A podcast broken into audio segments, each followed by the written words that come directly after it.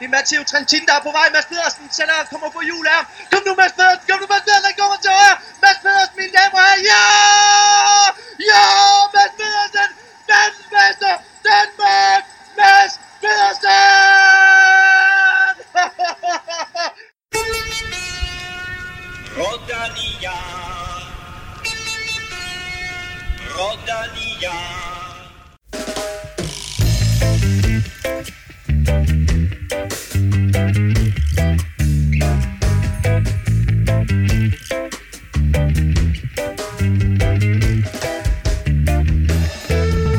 Tobias Hansen fra Liga på P3 fik lov til at indlede denne Velropa podcast, og jeg tror godt, vi ved hvorfor alle sammen. Mads Pedersen gjorde nemlig det umulige. Han gjorde det, alle danske cykelfans og ikke mindst cykelryttere har drømt om. Han vandt herrenes VM i linjeløb som den første dansker nogensinde. Det er så stor og fantastisk en præstation, at vi har valgt at dedikere mere eller mindre hele denne udgave af Velropa Podcast til VM i Yorkshire og ikke mindst Mads Pedersens flotte sejr. Og lidt senere i udsendelsen, der kan du faktisk høre et dugfrisk interview med den danske verdensmester. Med mig her i studiet, der har jeg mine to trofaste VM-venner, Stefan Djurhus og Kim Plesner. Velkommen til. Tak. Sten, sådan helt, sådan helt. Tak. Stefan, øh, fældede du en lille tår i søndags?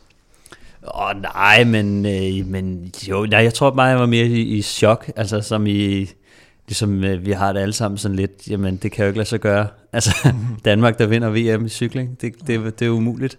Så jeg, jeg var bare sådan lidt, øh, ja, jeg var bare par over det. Mads Pedersen fuldførte det her vanvidsprojekt. Øh, Kim, hvorfor blev det lige ham, der blev den første danske verdensmester? Ja, altså, jeg synes jo, med, den, med den her, det her kul af unge danskere, der er kommet op, der har man haft nogle ryttere som netop Mads P., Valgren, Søren Krav, hvor man godt har haft på fornemmelsen, at de har det i sig, det der med at kunne blive verdensmester. Men det havde Rolf Sørensen jo også. Og han var en af verdens bedste gennem mange år. Han formåede ikke at blive det. Og det viser noget om, hvor, hvor svært det er. Det er den der en gang om året, det er forskellige ruter. Du skal udtages, du skal ikke være skadet, du skal være i form på det rigtige tidspunkt. Man får bare ikke særlig mange chancer, og så, så napper han den lige som 23-årig. Det, er, det er ret Det er, også, det, det er også enormt svært at time formen op efter VM. Altså det, når du skriver kontrakt med et hold, så, så er det jo oftest hægtet op på, øh, på den traditionelle kalender, hvor VM er sådan lidt en, en bonus eller en ekstra runde, hvor man er sådan lidt... Ja. Øh, jamen, du siger ikke til dit hold, at jeg går efter VM, fordi at det, det er de sådan... altså, jeg ved godt, de ikke er Mads har ikke ligeglade. sagt det til sit hold i hvert fald, men han også, altså, hvis du ser på hans resultater i år, så har han jo sat sig stenhårdt på at være klar præcis den weekend her.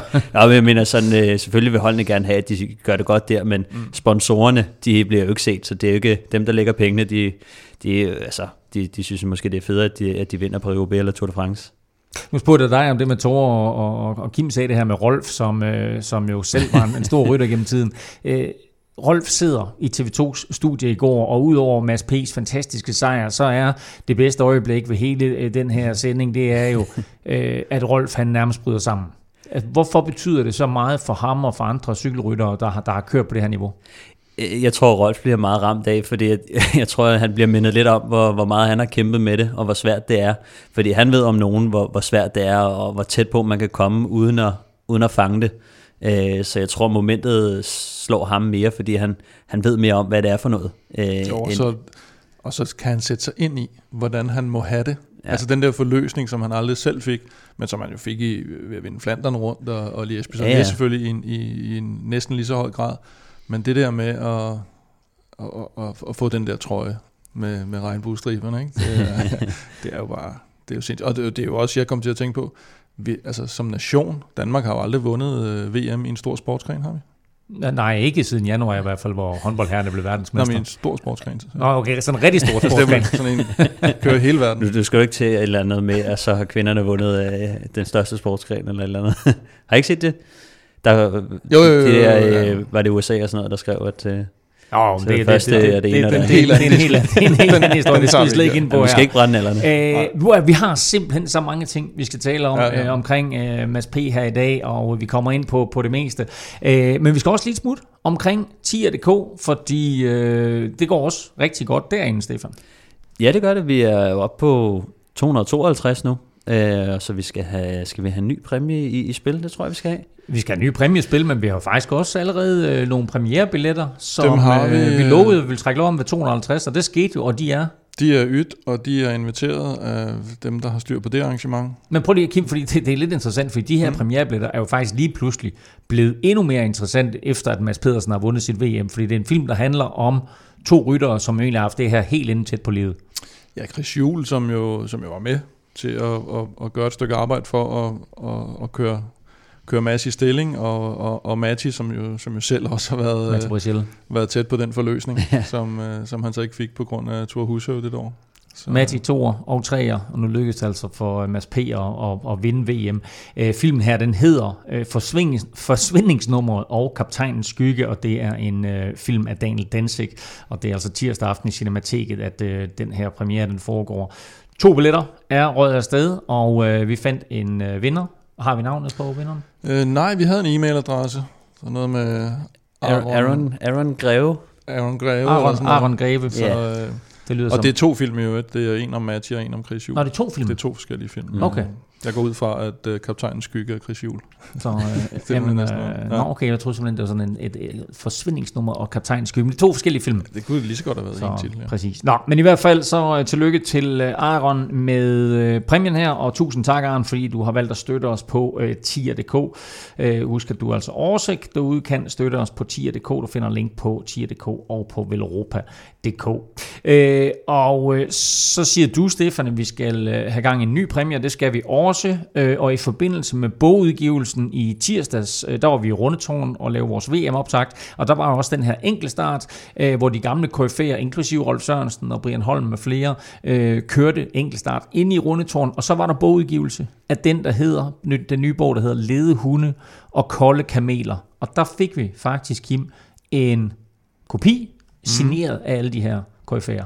ja, den har vi også i spil. Og, og vi har også noget andet i spil. Har jeg hørt. Jamen lad os lige, lad os lige, starte, lad os lige holde fast i den, fordi den bog der, den kan man vinde ved 275. Den kører er- vi 275. ja, så vi er sådan små 25 fra og 23 for helt præcis, ikke? Fra, fra de her 275, og så udlodder vi den her bog, signeret af alle de her KF'er, men, Og så tænker man, det, Det- er, det kan er ikke godt nok. Det kan ikke blive vildere, det tænker man. vildere nu. og så bliver det simpelthen bare vildere, fordi vi har igen haft vores udsendte reporter, kvinden med de læng- længste ben i dansk showbusiness, Tina Møller, ude i øh. Ja. cykelsportens øh, arena. Vi har haft hende til VM i Yorkshire, og, og Kim, prøv lige at fortælle, hvad hun har taget med hjem. Vi skal vel være ærlige og sige det. Det er der mest har haft hende derude, er ikke? Nej, det er os. Nå, Det er okay. vores udsendte reporter, Tina Møller. Men øh, vi plejer jo at, at, at sige, at Velropa-kasketterne er i høj kurs, men øh, den her kasket er nok i øh, alligevel lidt højere kurs end øh, en Mads P. VM-kasket med, med signatur på. Tina har lavet en lille pakke med nogle forskellige VM-ting, men hovedpræmien her, det er, som Kim siger, en VM-kasket hvid med VM-striber, og så lige en uh, Mads P-underskrift. En dugfrisk. På, på, en, en, en duk, dukfrisk. Den er nærmest ikke tør endnu, den her underskrift her. Men prøv at høre, vi holder lidt igen, fordi det her det er en stor præmie, så den udlodder vi ved 300, så når vi når 300 støtter på 10.dk, så udlodder vi Vi altså kan den også her. sige, når, når vi har flere end NFL-showet. Det kommer ikke til at ske. Det- Øh, Men jeg vil sige, at den her præmie her, den gør, at vi, Ja, kommer, vi, præcis. kom, vi kommer efter det. Altså, NFL-showet ligger på lidt over 300, men, øh, men den her præmie skulle gerne gøre, at, øh, at du derude også har lyst til at støtte, fordi så kan du altså blive den heldige vinder af den her fuldstændig øh, vanvittige og super fede præmie, som Tina Møller har skaffet os øh, direkte fra VM i Yorkshire. Øh, og Stefan, så sidst i udsendelsen, der skal vi også lige have et øh, free bet for at på banen. ja, ja, det her, det er, det er kernen, ikke? Det er det store gaveshow. Ja, det er 200 kroners freebet til oddset, og uh, det, det, det, det er udløbet af sine her. Sådan. Så lyt med øh, lidt senere, så finder vi altså en vinder af det her freebet til Oddsed. Øh, Velropa Podcast kan du finde alle de sædvanlige steder. Alle de steder, hvor du lytter til din podcast, der er Velropa Podcast også, inklusiv iTunes og Spotify. Og når du så er inde og lytte, så vil vi sætte meget, meget stor pris på både stjerner og en anmeldelse. Og tak til alle jer, der har skrevet et par fine anmeldelser her siden sidst. Det betyder altså rigtig meget for os. Du kan følge os på Twitter og Instagram på snablag Velropa og på facebook.com Velropa. Mit navn er Claus Elming. Du lytter til Velropa Podcast, præsenteret i samarbejde med Shimano og Otze fra Dansk Spil.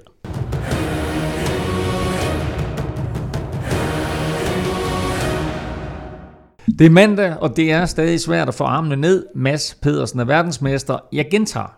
Mads Pedersen fra Danmark er verdensmester, og det efter et hårdt løb og en forrygende afslutning. Øh, det var koldt, det, var vådt, det var brutalt. Kort fortalt, det var ægte Mads P. vær måske endda, som du også skrev, Kim, ægte dansker vær. Hvornår, Stefan, gik det op for dig, at Mads Pedersen han kunne blive verdensmester? Og da jeg så vejrudsigten, kunne, være, kunne have været fedt at have sagt. Ja, men, øh, men... Ja, men det var egentlig sjovt, fordi da vi havde vores optag til Rundetårn, der nævnte du det her med vejret. Øh, og det blev måske ikke så regnfyldt på selve dagen, men det blev koldt, og det blev... Oh. Ja, det, det regnede jo også... Øh, det regnede jo øh, hele dagen, mere eller mindre. Øh, mm. og, og de blev nødt til at korte nogle områder af. Så, men altså, jeg tror, at øh, da først, at øh, Van der Pol og Trentin, og de havde den gruppe der, der sad jeg og tænkte sådan, okay, der er medalje. Og så falder der Pol af, og så tænker jeg, okay, nu er der sølv i hvert fald. Mm. Øh, og, og, og så når man ser, når man ser spurten der, og, og Trentin åbner, så sad jeg lige og tænkte, så snart han ligesom havde krogen i, så tænker jeg, okay, nu er den farlig. Men ja. det, altså, det hele skete jo på, på så kort tid, ikke? Men altså, det var alligevel sådan, at da han får, da han får sat krog i Trentin, og han ikke fortsætter med at, mm. med at tage øh, meter på ham, så tænker jeg, okay, nu, nu bliver den tæt. Så det var egentlig... Altså, 200 meter før mål. Det er jo klart. Jeg Nå, men altså, vi, jeg sad jo også og tænkte, okay, jeg, jeg ved, at Mads han har en, en rigtig god spurt, og han har, øh, men altså, jeg tænkte ikke, at han kunne slå Trentin. Nej. Men det er netop i sådan et regnværsløb. Altså, der kan alt, der kan alt ske, og, og specielt når de har kørt så langt og så hårdt, øh, men der, øh, der er der ikke noget, der hedder sprinter og bjergrytter øh, længere. Der er det bare, hvem har noget at skyde med. Men, altså. øh, men når det så er sagt, så vil jeg også sige, altså, der er ikke, det er ikke for sjovt, vi snakker om Massi i uh, regnvejr, og han kan spurte, mm. fordi at, jeg tror, var det, jeg kan huske som det sidste år, eller forrige år, hvor der slår han uh, Michael Mørkø i en ren spurt i Fyn rundt, og sidste år for eksempel, der, der vandt han også uh, et løb, der hedder Eurometropol, hvor han slog Jempi Drykker i en spurt om sejren. Det er stort. Nå, men jeg mener, ja, ja. han var også sprinter, ja, ja. lidt af Trentin sprinter, ikke? Uh, så man ved, han kan det, og man ved, at han er rigtig god i, i regnvejr, så, så man sad, jeg sad hele tiden med den der, okay, men jeg havde ikke regnet med, at han lige ville gå ind og, og tage den i spurten, faktisk. Ja, men også fordi, når han sidder, altså jeg havde det på præcis samme måde, han sidder med Trentin og Van der Pol, og, og de så så gode ud, men ja. da så Van der Pol ryger fra, så ved man jo godt, okay, der er et eller andet. Altså, du kan ikke regne med det der, fordi, jeg, men så sad jeg stadigvæk og tænkte, Ah, men ikke Trentin. Altså, han er for rutineret. Men, men præcis, Van der Pol ryger fra, fordi han er ung, og det, han har overvurderet sine kræfter. Trentin, han har været 30, det har vi diskuteret før, han ikke det cirka. Øhm, og, selvfølgelig kører han den safe hjem, og så selv lægger han sig på hjul af Mads, og så tager han spurten. Ikke? Han, han så så cool ud, Trentin. Ja. Altså, det så ud som om, at... Og det værste var faktisk, jeg sad og tænkte, da Kyng han øh, træder til på bakken derude, hvor Mads han er ved at blive sat, ja. der sad jeg, sad jeg og kiggede på Trentin og tænkte, han ser fandme godt ud. Ja. At det er lige før, hvis han kørte på det tidspunkt, så havde han nok vundet. Ja. Altså, fordi Køng, han havde ikke mere hen over toppen, det er jo klart. Altså, han kørte på sejren lige der.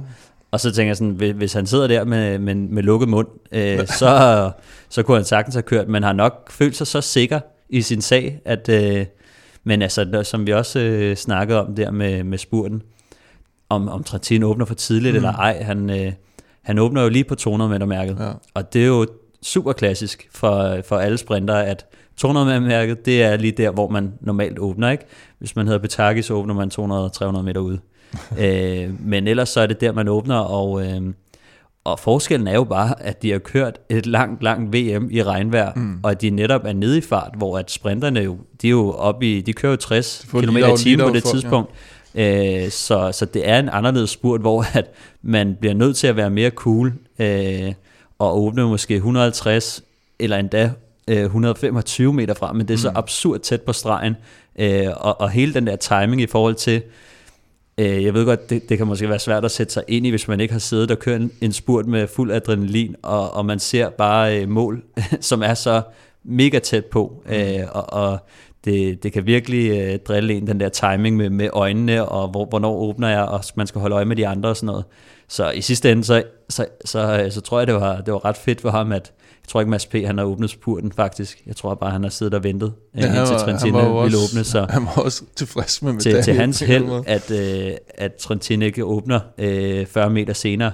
Fordi så, altså, jeg ved jo, ja. at den så mega overlegen ud. Det er jo lige før, han, øh, han bare kunne have taget den uanset hvad. Men, øh, men han må alligevel også, altså, for han sidder, presset er jo på Trentin.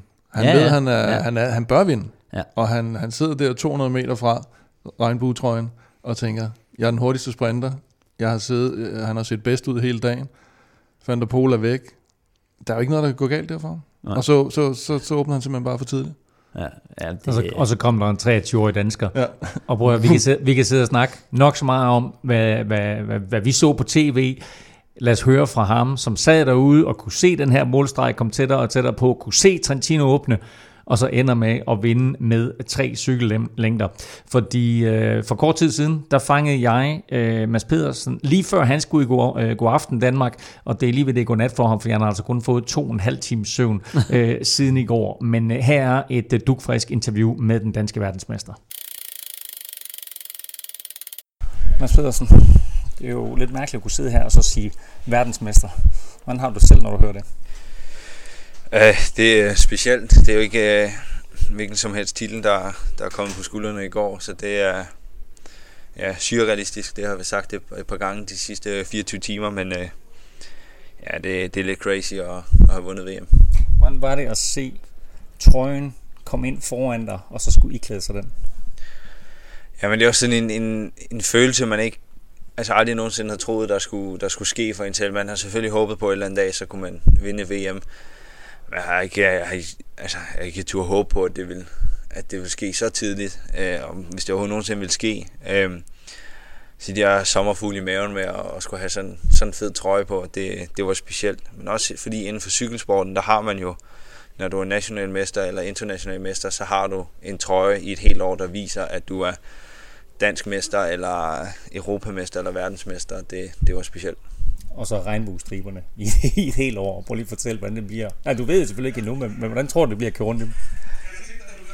Jamen, jeg glæder mig bare sindssygt meget til at, at, at få min trøje med, altså med holdet sponsorer på, og, og komme ud og køre på, på en ny cykel og, og VM-striberne. Det bliver, det bliver en fed følelse, og, og skal til start næste gang. Og så taler lidt om løbet. Da Trentin han kører til sidst, hvad tænker du der? Øh, ja, så tænker jeg bare, nu, nu, nu må jeg skulle prøve at ryge med på jul. Øh, Jeg, var, jeg havde en god fornemmelse med, at jeg, jeg nok skulle få ram på, på Køng øh, i en spurt. Øh, så da den Trentin åbnede, så, så håbede jeg bare på, at jeg ikke ville få krampe for at ryge med ham. Øh, for hvis jeg ville få krampe, så, så ville jeg blive nummer to. Øh, øh det ville jeg også være ovenud lykkelig med. Men øh, da der ligesom ikke var øh, altså, så mange krampe at mærke, så, øh, så tænkte jeg, at nu prøver jeg sgu. Øh, jeg vil hellere forsøge og så dø med 50 til mål, end, øh, end jeg vil bare sidde bag ham og så blive nummer to. Og ja, i sidste ende, så bare det jo frugt at, at prøve at, at give det chancen. Og det der med at give chancen, fordi der, der er to situationer undervejs, som jeg, jeg sad og så løbet i på tv, ikke? der er to situationer undervejs, som jeg blev mærke i. Den sidste lange stigning, der er du lige ved at miste hjulet. Og så bider du på en eller anden måde bare alt, hvad du har i dig sammen, og så siger, jeg skal med der. Ja, Køng han ligger et, et, et rigtig hårdt pres ned for bunden. Han vidste vist godt, at det var hans chance for at slippe af med os og, og vinde VM. Og jeg tænkte, det er fandme høj kæft, men jeg var så presset der, og altså langt ud over alle mine grænser. Men jeg havde da også en masse for fanden, mand. Det er det største cykelløb, du kører, og lige nu der har du chance for, for at rive medalje med hjem. Hvis du bliver sat her, så kan det være, at de kommer op bagfra sindssygt hurtigt. Så nu skal du, jeg skulle bare med der. Og så havde jeg åbnet et lille gap på de der 5 meter, men der måtte jeg jo bare æde lorten, og så jeg spurgte op til dem igen, og så jeg håber, jeg kan holde jul lige det sidste kick op over, og så lige få en lille pause på nedkørslen. Og den anden ting, det er der, da Mathieu van der Poel han pludselig falder af. Hvad tænker du der? Jamen jeg tænker, han, altså, han knækkede kæde eller eller andet, for han blev sgu ved med at tage nogle, nogle ledføringer, og så lige pludselig, så, så stoppede han bare. Øh, så det overrasker os alle sammen fuldstændig, at han eksploderede så hårdt, men øh, det viser også bare, hvor ledet cykelløb det har været i går, og, og altså, selv en verdensstjerne som ham, han, altså, han, han kolder fuldstændig, så han havde ikke nogen uheld, det var bare, der var bare slukket. Så ja, jeg tænkte, fuck mand, hvad sker der her? Og så begyndte det Moscon at føre som død af helvede, og det, i sidste ende så var det fint for mig, fordi så var jeg forholdsvis sikker på at få en, øh, få en bronzemedalje med hjem. Og netop det der med, med løbet og det hårdhed. Øh, prøv at fortælle lidt om det. Ja, men øh, løbet blev faktisk forkortet fra 285 til, til 261 øh, på grund af af vandtilstanden øh, på nogle af vejene, hvor vi simpelthen ikke kunne køre. Øh, vi havde også store vandhuller, hvor jeg havde var, jeg var dækket til, til navne på, på cyklen. Men det, har, det var bare 10-11 grader hele dagen og, og en god gang regn. Sådan en blanding mellem slagregn og så bare støvregn hele dagen. Øh, og så igen 6,5 timer på cyklen, det, ja, det trækker sgu bare tænder ud i sådan vejr. Og så var du den stærkeste til sidst. Hvornår kunne du mærke, at du faktisk havde et, et, noget ekstra skyde med til allersidst? Jamen, som jeg har sagt så mange gange før de sidste, sidste par timer, det, jeg havde bare været lykkelig for at komme hjem og, og få en medalje. Øhm, og det var det, jeg, jeg kæmpede for lige der, for Køng han kørte så stærkt over på bakken, at jeg tænkte, fuck, det, han bliver sværere med at gøre, og Trentin, der, så jeg bare tænkt, hvad, han har siddet med regnjakke på indtil sidste omgang, ikke? han er flyvende. Men ja, det gik jo først op, rigtig op for mig, at jeg fandme havde en chance, da, da jeg går ind på hjulet af ham der med 200 meter til mål. Og så er der en sjov situation, fordi Michael Valgren kommer ind sammen med Sagan, og så opdager han ligesom 10 meter før målet, du har vundet. Hvordan går det op for ham? Jamen, øh, på målpassagen, der er hen over målstregen, der er altid en, øh, en form for banner er det vel. Og der nedenunder, der er en skærm, hvor der står, øh, hvem der har passeret målstregen først, og, og så er der nedad. Og så står der et, og så M. Pedersen, og så gik det op for ham, at, at vi havde vundet VM. Ja, for det, altså, nu er det dig, der har vundet VM, men jeg tror, vi alle sammen lige nu siger vi, fordi det er en sejr for hele Danmark, det her. Mads, øh, hvad skete der efter øh, sejren i går? Var der noget fest? Hvad skete der? Ja, først var der jo virkelig pres på lige efter målstregen. Det, det var kæmpe kaos. Og så skulle man jo det sædvanlige igennem. Øh, præmieceremoni, interviews, øh, dopingkontrol, og så der gik vel to timer efter det, så var jeg i bussen, og der sad de alle sammen inde og, og klar med, med et par øl og, en pizza, og så startede hyggen ellers bare derfra. Og så er der noget med, at øh, cyklen, den er et specielt sted nu. Cyklen den er på vej til Danmark i en, i en kassevogn. Den skal ingen steder. Øh, om holdet de skal bruge den eller ej, det, det kan jeg ikke lige tage mig af med den cykel. Den, den forbliver min. Mads Pedersen, jeg har kun én ting tilbage at sige til dig, det er, du er verdensmester. Tillykke med det. Mange tak. fedt øh, at høre fra Mads, og det var super fedt at, at lige være sammen med ham kort inde i, uh, inde i Tivoli der, øh, hvor hans far, som jo også hedder Claus, var der, og du kunne også bare mærke sådan, at han, han var næsten lige så meget i øh, i sådan en overraskelsesmode, ligesom Mads han var. Han kunne ikke helt forstå, at, at Sønneke nu var blevet, hmm. øh, blevet verdensmester. Øh, men jeg tænker, nu her, når jeg hører interviewet igen, øh, det er en vild fejring, Stefan pizza og øl. Det er sådan en rigtig verdensmesterfejring. Ja, ja, men der er ikke så store øh, nykker i, i cykelsporten. Der, der bliver det ikke meget bedre end, end pizza og øl. Det, det er ikke champagne og, og østers. jeg så også et billede af ham, hvor han gik op på sit hotelværelse eller sådan noget måske, du ved. Og med rygsæk på selvfølgelig, og, og, og træningstøj og VM-trøje og sådan noget. Ikke? Der er sgu ikke, øh, der er ikke så meget gala, gala show over det, nej, nej, selvom han lige er altså- blevet verdensmester. Ja, han er den gamle skole, Ja, ja. Det, det er super fedt. Men du har kørt med ham, Stefan, har du ikke det? Jo, jo, jeg har kørt nogle, nogle cykler med ham. Jeg, altså, øh, jo, jo, et par år i hvert fald. Øh, Nå, hvordan er og, han som, øh, som person?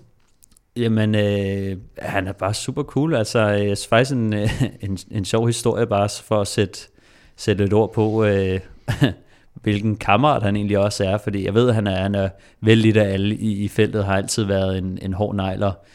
Øhm, jeg kan huske første gang, det gik op for mig, at, at Mads, han var sgu the real deal, det var, da han var juniorrytter. Der, øh, der, kørte han, der kørte vi cykeløb ud på Amager, øh, på min hjemmebane, og øh, der var der ham her, Mads, som var en rigtig talentfuld øh, rytter, øh, som, var, som jo var junior. Og så så jeg, at han, han kørte mod nogen, som jeg kendte, som senere også er blevet blevet dygtig, men øh, der, øh, der kommer han ud til start med rygsæk på. Han har cyklet øh, hjemme fra øh, Tølløse øh, området der. Han cyklede til Amager for at køre det her cykelløb.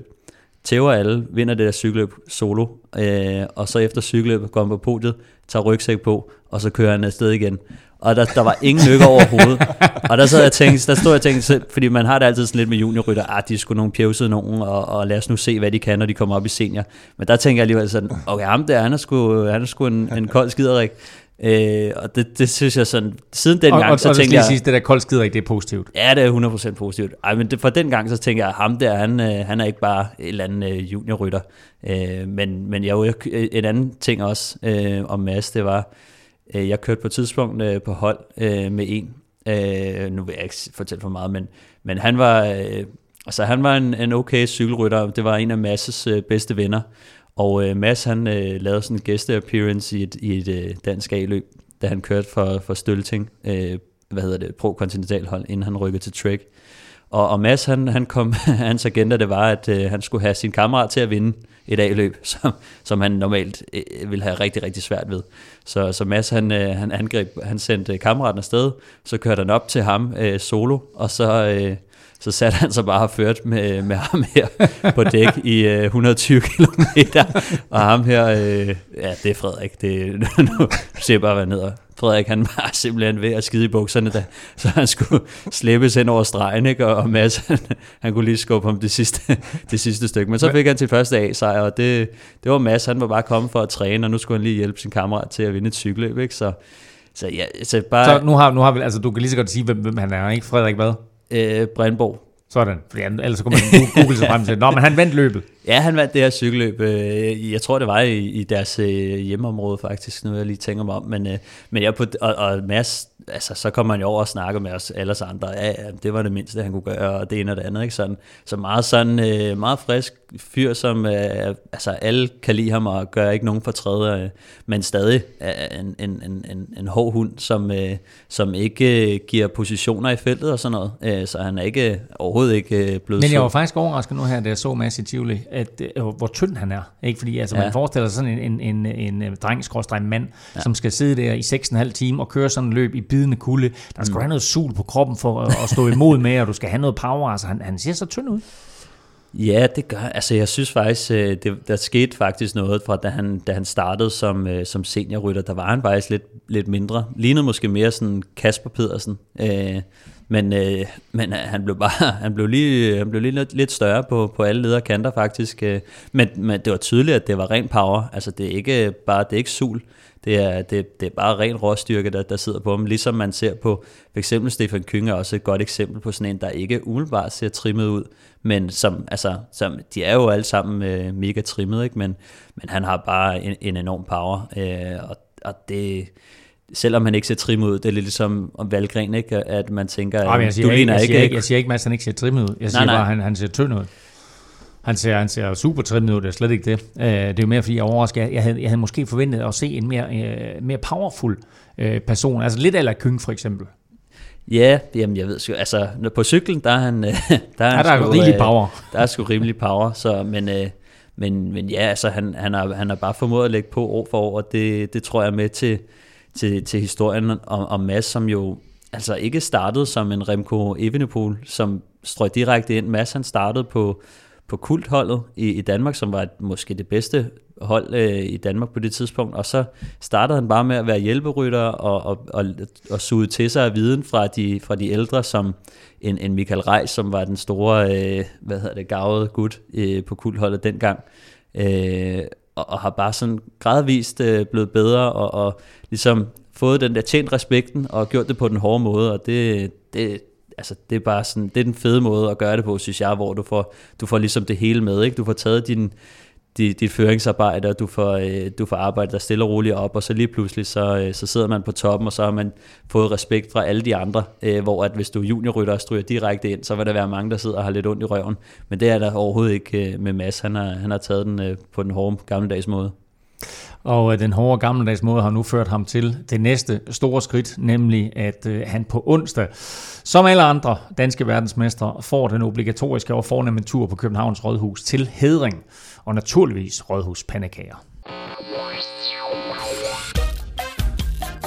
Der er hverken heder eller pandekager i quizzen, men det kan vi vel øh, det kan vi aftale, at det, det er præmien, når, øh, når året er om, at så laver jeg pandekager og, og øh, Nå ja, det kan du serverer hædersøl. Øh, quizzen skal vi til her, øh, mm. hvis det ikke er gået op for jer. Og øh, den står naturligvis i VM's tegn. Øh, Stefan er på vej mod endnu et comeback. Det står 25-22 til, øh, til Kim. En farlig føring. Uh, uh. er det en farlig føring? Øh, så, så Stefan igen på vej til at lave et comeback. Øh, og øh, spørgsmålet i dag går lidt på det her med, at øh, det er usædvanligt, at det er de små nationer, der vinder et VM. Det er jo super, super flot, at vi i en nation her med under 6 millioner indbyggere øh, kan vinde et VM, og så øvrigt øh, have to rytter i, i top 5 og næsten tre i top 10. Men øh, Danmark er faktisk ikke den mindste nation, der har mm. vundet VM. Fire nationer med færre indbyggere end Danmark har vundet VM. Så der er fire point at hente i dag. En for hver nation. I kan nævne, hvilke fire nationer med færre indbyggere end Danmark har også haft en verdensmester. Så det er dagens quiz, og øh, som sagt fire point at hente. Og til jer to og alle jer, der lytter med, øh, hvis I går ind og googler, så Google Mads Petersen verdensmester, der er stadigvæk masser af fantastiske billeder og videoer. Men med hensyn til quizzen, så lad være med at google. Vi er slet ikke færdige med at tale VM. Øh, VM blev sådan en, en, øh, en, en øh, hvad skal vi sige, også som Mads han fortalte, øh, så blev den jo forkortet. Kraftige regnskyld og oversvømmede veje øh, gjorde, at øh, ruten blev skåret ned fra 285 km til 261, og det betød så også et farvel til de to på papiret hårdeste stigninger, øh, og så til gengæld to ekstra omgange i øh, Harrogate. Øh, Stefan, hvad kom det til at betyde for den danske taktik? Øh, jamen, Ja, det finder vi jo aldrig rigtig ud af, men man kan sige, det, det, det moment, der var derude, det, det var jo et rigtig hårdt moment, hvor at, jeg tror, det har, det har, det har været et stort kryds i, i bogen hos, hos alle hold, øh, og muligvis et sted, hvor, at, hvor, hvor at der var flere, der gerne ville prøve at, at skabe noget udskilning. Øh, I første omgang for at, for at få nogle af, af sprinterne øh, sat, eller de, de spurtstærke folk sat. Øh, men, men ja, altså, der var åbenbart rigelige momenter på den rute, øh, så, så det blev ikke noget problem, men, men ja, det, så vi, vi finder aldrig ud af, hvad... Ikke før vi får Anders Lund i studiet i hvert fald. Nej. Nej, det var, man kan sige, jeg tror både Danmark, men, men også Slovenien, som man jo så sende et par, par hårde kale i, i det tidlige udbrud, de vil gerne have haft de der stigninger til uh, Pogacar. Det er jeg slet ikke noget i tvivl om. Og, øh, og så som besluttede sig for at gøre det hårdt på en anden måde ved at, at sende Roglic og, og Jan Polang ud i et, et, et tidligt udbrud. Og, øh, og der, der er selvfølgelig nogen, sådan en Valverde vil vel også godt have haft lidt mere udskilning og noget, måske noget sidevindskørsel der i starten, ikke? Så, så det tog noget af, men, men det var jo så hårdt, det så vi flere gange, altså hvor det bare sagde puff, og så ja. var folk væk, ikke? Og, og det var jo og en lille gruppe, der var tilbage til sidst. Så det var heller ikke nødvendigt med det, med det vejr, der var. Øh, Men jeg tror også, at, at man, man river ligesom gulvtæppet væk under holdene, fordi at de alle sammen regner med, at det der det er det store moment. Ja, ja. Og, og nu skal du til at finde ud af noget andet, ikke? fordi at det var jo last minute, at, ja. at den, det bliver trukket fra, så det ændrer jo ligesom hele dynamikken og skaber noget mere uforudsigelighed, kan man sige, fordi at jeg er sikker på, at der er mange, der ligesom havde, havde kigget lidt på det stykke, og som vi så det i, i øh, U23 øh, VM, der var det også netop det stykke, hvor de lavede udskilning og kørte sidevind, ikke? fordi at den der bakke der, og så helt åbent terræn øh, bagefter, det er, det er en dræber. Øh, nu ved jeg ikke lige, hvordan vinden var, men, øh, men altså, det, det, er sådan noget, øh, det er sådan noget, der kan splitte det op i, i atomer, og havde muligvis skabt et lidt andet øh, cykelløb, mm. øh, havde det været med der. Vi, vi brokker os ikke på nogen måde, men, øh, men, men Kim, det her, det var jo på mange måder et, et crazy løb, og vi så faktisk også, nu var du lidt inde på det, men mm. vi så faktisk også et, et meget interessant udbrud med nogle store stjerner øh, til at starte med. Øh, blandt andet jo Magnus Kort, og så sad han altså sammen med, med et par Grand Tour-vindere. Ja, det var, det var helt tydeligt, at der var slet ikke de der øh, øh to for Eritrea og en for Namibia, der bare kørte afsted. Nå, men det, det plejer man jo at se, ikke? Og så, så ligger de i de første, i de første 200 km næsten og, og kører tv-udbrud. Det var alt andet end tv-udbrudsfolk. Øh, det var også fordi, der ikke var noget tv. Nej, det var der så rent faktisk der. Men Roglic og, og, og Carapaz og Quintana og Kort og Dillier, som jo blev... Nå, blev prøv, lige, du, prøv lige at nævne navnet igen, ikke? Altså Carapaz vinder af Giro d'Italia, ja, ja. og, og Roglic øh, vinder af Vueltaen, og Quintana, som ikke vinder noget som helst. Men, øh, Nå, nej, men, men, men trods alt er en stor stjerne, ikke? Jo, og nogen, som godt vidste, at de, de havde sgu ikke nogen chance, hvis de bare kørte med kørt med rundt der, så de skulle ud og opsøge det, og hvis de nu havde fået 8 minutter i stedet for, så kunne det være, at der var nogle af dem, der havde siddet med i finalen, ikke? men øh, stort set alle sammen øh, på nær, var det egentlig Varkoc, der var den eneste, der gennemførte, tror jeg, fra, fra Han var sidste mand i mål i år. Ja. Øh, og ellers så udgik de jo alle sammen, efter, efter de havde været derude og sidde. Men øh, og som også nogen var inde på, at det var heller ikke ubetinget nogen øh, ulemp at sidde derude, så man får jo ikke så meget. Oh. og, så og, lave det, og det er ikke engang løgn jo, altså det, ja, på modvindstykket har det nok været lidt en ulempe alligevel. Og, sådan. og det var sådan lidt mærkeligt, fordi vi sad der, og, og egentlig var det jo et fornemt udbrud, øh, som også øh, var helt op på, var det to og et halvt minut, de var op på på et tidspunkt? det var ikke særlig meget. Nej, fire, fire minutter var de vist op på. Var det op på fire minutter? Eller var det tre? Okay, og det var, det Ja, var langt for... 3,45 tror jeg. Det var Okay, var det så langt? Ja, okay, men altså uanset hvad, så øh, forsvinder tv-billederne, så lige pludselig, så er de hentet igen, så tænker man, "Nå, det gik da utroligt stærkt. Øh, så det er sådan meget mærkeligt. Ja, positionskampen øh, ind mod øh, omgangene der, der, der gik det altså stærkt lige pludselig. Ikke? Men, øh, men jeg tænkte bare, du ved, altså, for jeg, da, da, de jo, da de var op og have så meget, der sad jeg og tænkte, okay, det er alligevel voldsomt at lade sådan fire store kanoner, øh, og det her tæller jeg Magnus med som, som en stor kanon, og lade sådan fire store kanoner få så stort et forspring. Men det var altså, øh, det var, der, var altså der der, var- var, der var altså styr på det felt, må man sige. Men prøv lige, lad os lige holde fast i Magnus, mm. fordi han var sådan lidt den danske joker. Øh, Det er klart, at vejret gør Mads P. til en kæmpe joker også, øh, og da vi, da vi holdt vores... øh, Lyt i øvrigt, øh, vil jeg lige anbefale til vores VM-optakt inden for Rundetårn, fordi der havde vi Chris Juhl med i studiet, vi havde Peter Meiner med i studiet, og vi havde Rolf Sørensen med i studiet, og alle tre nævnte faktisk Mads P. som en outsider, ikke mindst på grund af vejret. Øh, men Magnus var jo sådan set lidt en joker også for det her hold. Der var lagt op til, at det var Valgren og Fuglsang, der skulle køres for, men Magnus var sådan lidt en joker. Hvad var hans rolle i det taktiske spil? Jamen, jeg tror egentlig, at Mads P. og Kort havde nogenlunde samme, hvad skal man sige, status på holdet. At de lå sådan med, med en relativt fri rolle lige efter kaptajnerne. Forskellen var så, at, øh, at Mads P. kommer med den her sejr, og Kort ikke rigtig har kunne få det til at spille i, i den her del af, se, af sæsonen. Og det er nok derfor, man ser, Kort sad jo helt tydeligt fremme og skulle dække de angreb, der kom. Og hvis der kørte over ja, 5-6 mand, så, så begyndte han at gå lidt med. Og det, det kunne man se en Askren i form vil typisk have været sådan en, man måske tidligere på sæsonen havde, havde sendt op for, for at dække det der af. Men, men det, det, det matchede åbenbart lige, hvad, hvad, hvor kort var i øjeblikket. Og så synes jeg, han så stærk ud i udbruddet, og, og, og den arbejdsindsats, han laver, øh, da de bliver hentet, er også væsentlig. Altså han sidder, mm. han sidder foran Mads flere gange, øh, da der var tv-billeder på, og man kan se, at han holder ham ud af vinden, og han holder ham fremme. Så han skal ikke sidde bagved og bekymre sig om styrt, og han får ikke øh, ret meget vind på snuden, når han, når han ligger fremme. Og det er, altså i stedet for bare at lade sig fire ned igennem, ikke, da, han, da han bliver hentet. Jeg, jeg tror, at øh, det er første gang, sådan, da jeg sad og så det, så det er første gang, at Jakob Fuglsang, han har øh, nogle ordentlige hjælperytter, fordi at, øh, det har han ikke rigtig prøvet før, at, det, at, at danskerne virkelig sidder fremme, hvor de skal, og mm. de er med i udbrudene og sådan noget. Det har vi ikke set øh, så meget fra, fra det danske landshold før. Specielt ikke øh, under Matti-æraen, hvis kan vi vel godt kalde det, hvor de har kørt cykelløbet på en helt anderledes måde, mm. og ventet og ventet og ventet. Hvor at, øh, som vi også har snakket om, og, og nævnt i den seneste podcast, det her med, skal man ændre taktikken, når det bliver regnvejr, og når det bliver lidt mere kaotisk og sådan noget. Og det var det, de gjorde jo. Altså mm. sender øh, en markant øh, rytter som, som øh, kort i udbrud, øh, for at være sikker på at have nogen, hvis det kører, og, og en trussel der, og sørge for, at de ikke skal, skal sidde med ansvar. Så sidder de, gud hjælp mig, helt fremme i, i feltet, øh, langt stykke hen af, mm. af vejen. De går op og tager føring på et tidspunkt, og inde på omgangene, øh, og sætter pres på. Og det er, øh, det er rigtig svært, når man sidder og kører de her omgange, og det er sådan rimelig teknisk derinde. Øh, det er svært at komme frem i feltet igen. Øh, det koster altså det koster kræfter. Øh, så så det, det, det, de har kørt det på en, på en, på en rigtig god måde. Altså, det, det er svært at køre det perfekte cykelløb, men, øh, og det gør man aldrig. Altså, der er altid en masse punkter, hvor mm. at, øh, det ikke går, som det skulle og så videre. Men øh, overordnet, så, så kørte de et rimelig komplet øh, cykelløb, danskerne. Det var dejligt at se øh, danskerne, som du pointerer også, Stefan, øh, fremme på et tidspunkt på en af runderne, hvor der altså lige ligger 3-4 rødhvide der fremme øh, forrest og, og, og lægger pres på, og man kunne se, at det trækker altså tænder ud hos, øh, hos mange af de andre mandskaber. Øh, Kim, der var også noget med, at øh, du lagde mærke til, eller i hvert fald blev gjort opmærksom på, en øh, speciel øh, beklædningsgenstand, som Kort havde på. Ja, det er rigtigt. Der var flere, der begyndte sådan at skrive undervejs, sådan, er det ikke en Veloropa-kasket, Kort kører med? Og sådan noget. Og jeg, første par timer, tror jeg, der affaldt var sådan, ja, det, det er nok en eller anden Castelli hoodie eller sådan noget, han kører på, på grund af, med på grund af vejret. Jeg lagde sgu ikke rigtig mærke til det.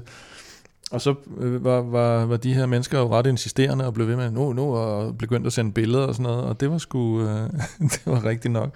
Han havde taget en, øh, han havde taget en gammel Veloropa-kasket på, Sådan. og, øh, og øh, som han øh, sagde til mig bagefter, at øh, det var et vigtigt løb, jo.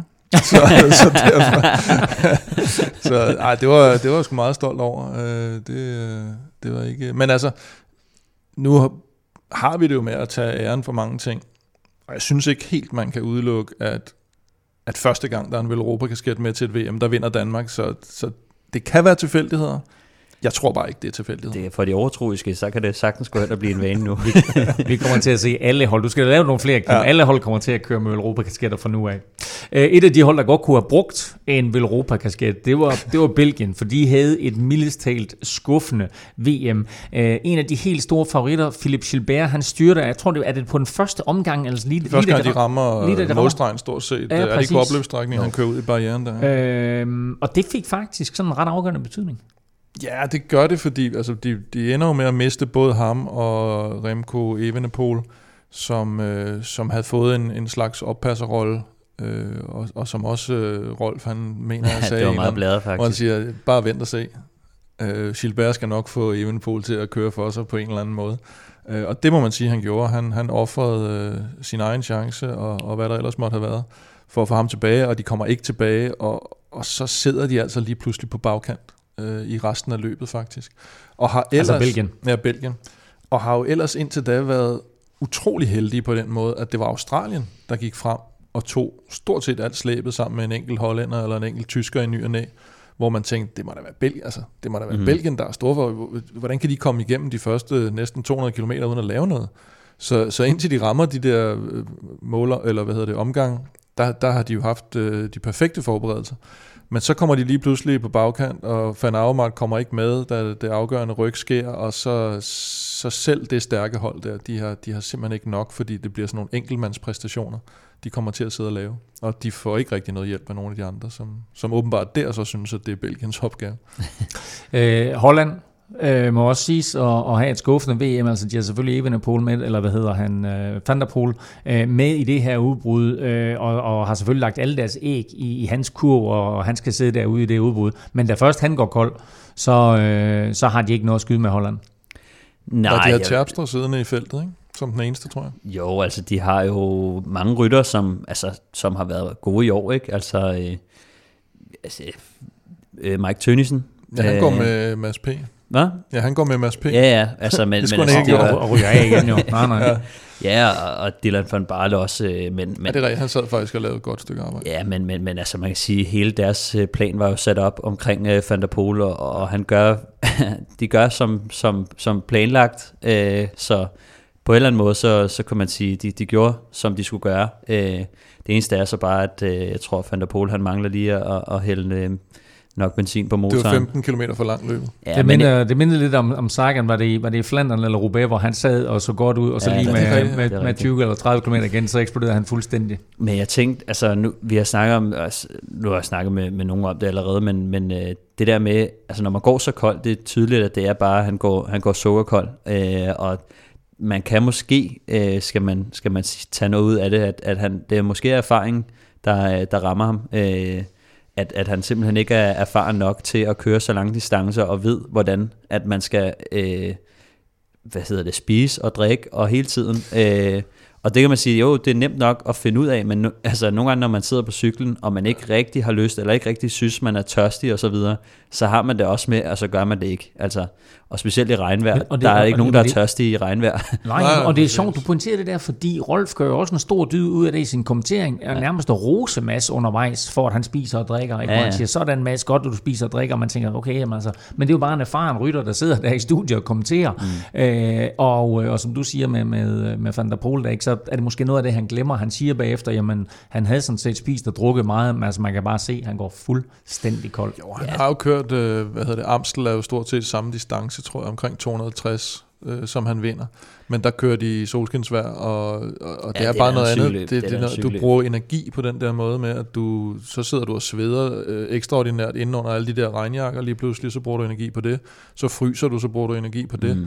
Og så netop, som du siger, så har du, øh, så har du lige pludselig, når det, når det pisser ned, og så føler man, ligesom når man er i svømmehallen, så gider man heller ikke at drikke, øh, fordi man er i så Og, meget og vand. ved du hvad, det, vi er ned til noget til det helt lavpraktiske, altså med, at øh, det er svært at komme i lommerne, i, når du har Mm. regnjakke på og så videre. Nu må, måske har du handsker på, øh, og så det, det kan være et værre helvede. Altså, ja, og jeg kender og, det og, der. selv, og selv det bliver jo besværligt og frustrerende, ja. og så bruger man energi på det også. Ja, ja, når man, altså, jeg har også flere gange prøvet, jeg kunne simpelthen ikke, altså så mine fingre var så kolde, jeg kunne ikke komme i lommerne, mm. og så er det bare, så ved man bare, så, så er løbet kørt, og, og når man på den måde, som, som Kim også siger, at lyset det, det brænder i begge ender, øh, så, så kommer momentet, hvor han angriber, og øh, så har han svært ved at, at få spist undervejs, fordi at nogle gange så, øh, så tillader cykelløbet bare ikke, at du øh, spiser og drikker, fordi at man sidder med puls 200, og, og, altså, og hvis du står, altså, hvis du, øh, hvis du slipper trådet i bare et lille stykke, så, så er du hentet igen, ikke? Så, og spiller man fodbold og fryser, så kan man altid lige stikke hænderne ned til bollerne. Men det er bare, det er bare skidesvært på cykel, ikke? Og mindre du er virkelig god til at køre uden hænder. Nej, men han tager jo også... Øh, jeg kan huske der, hvor øh, i øvrigt en rytter, vi slet ikke har nævnt, jo øh, Carlos Betancourt, Bananito, som Ja, jo det var kører, hvad, kører en øh, 14. plads hjem, eller et eller andet. Ja. Helt vanvittigt godt løb af ham. Han ligger jo på, og er ved at komme, eller ikke ved at komme op, men alligevel med, med Isak Giede, tror jeg det er, og, og, en, og en anden. Og der tager Van der Pol altså en, der hvor de sådan er lige ved at kunne se dem, Mm. så tager han lige en føring, ja. og så kan de slet ikke se dem. Altså, der gik han virkelig Men det var også det, Mads han sagde i sit interview, sparede at, ikke- han at, sparede at, ikke at sig Van der. Pol, han, han så simpelthen så stærk ud 200 føringer, så lige pludselig, så, øh, Ja. ja. så var der bare slukket. Øh, Italien mm. kører også et, øh, ja, de kører egentlig et fint VM og har to mand med i, i, i Moscon og Trentin, øh, men øh, så ender det jo sådan set med, altså Italien er den mest vindende nation gennem tiden, øh, og så ender det sådan set med, Stefan, en lille sjov ting, som du pointerede, at de får alle lorteplaceringerne.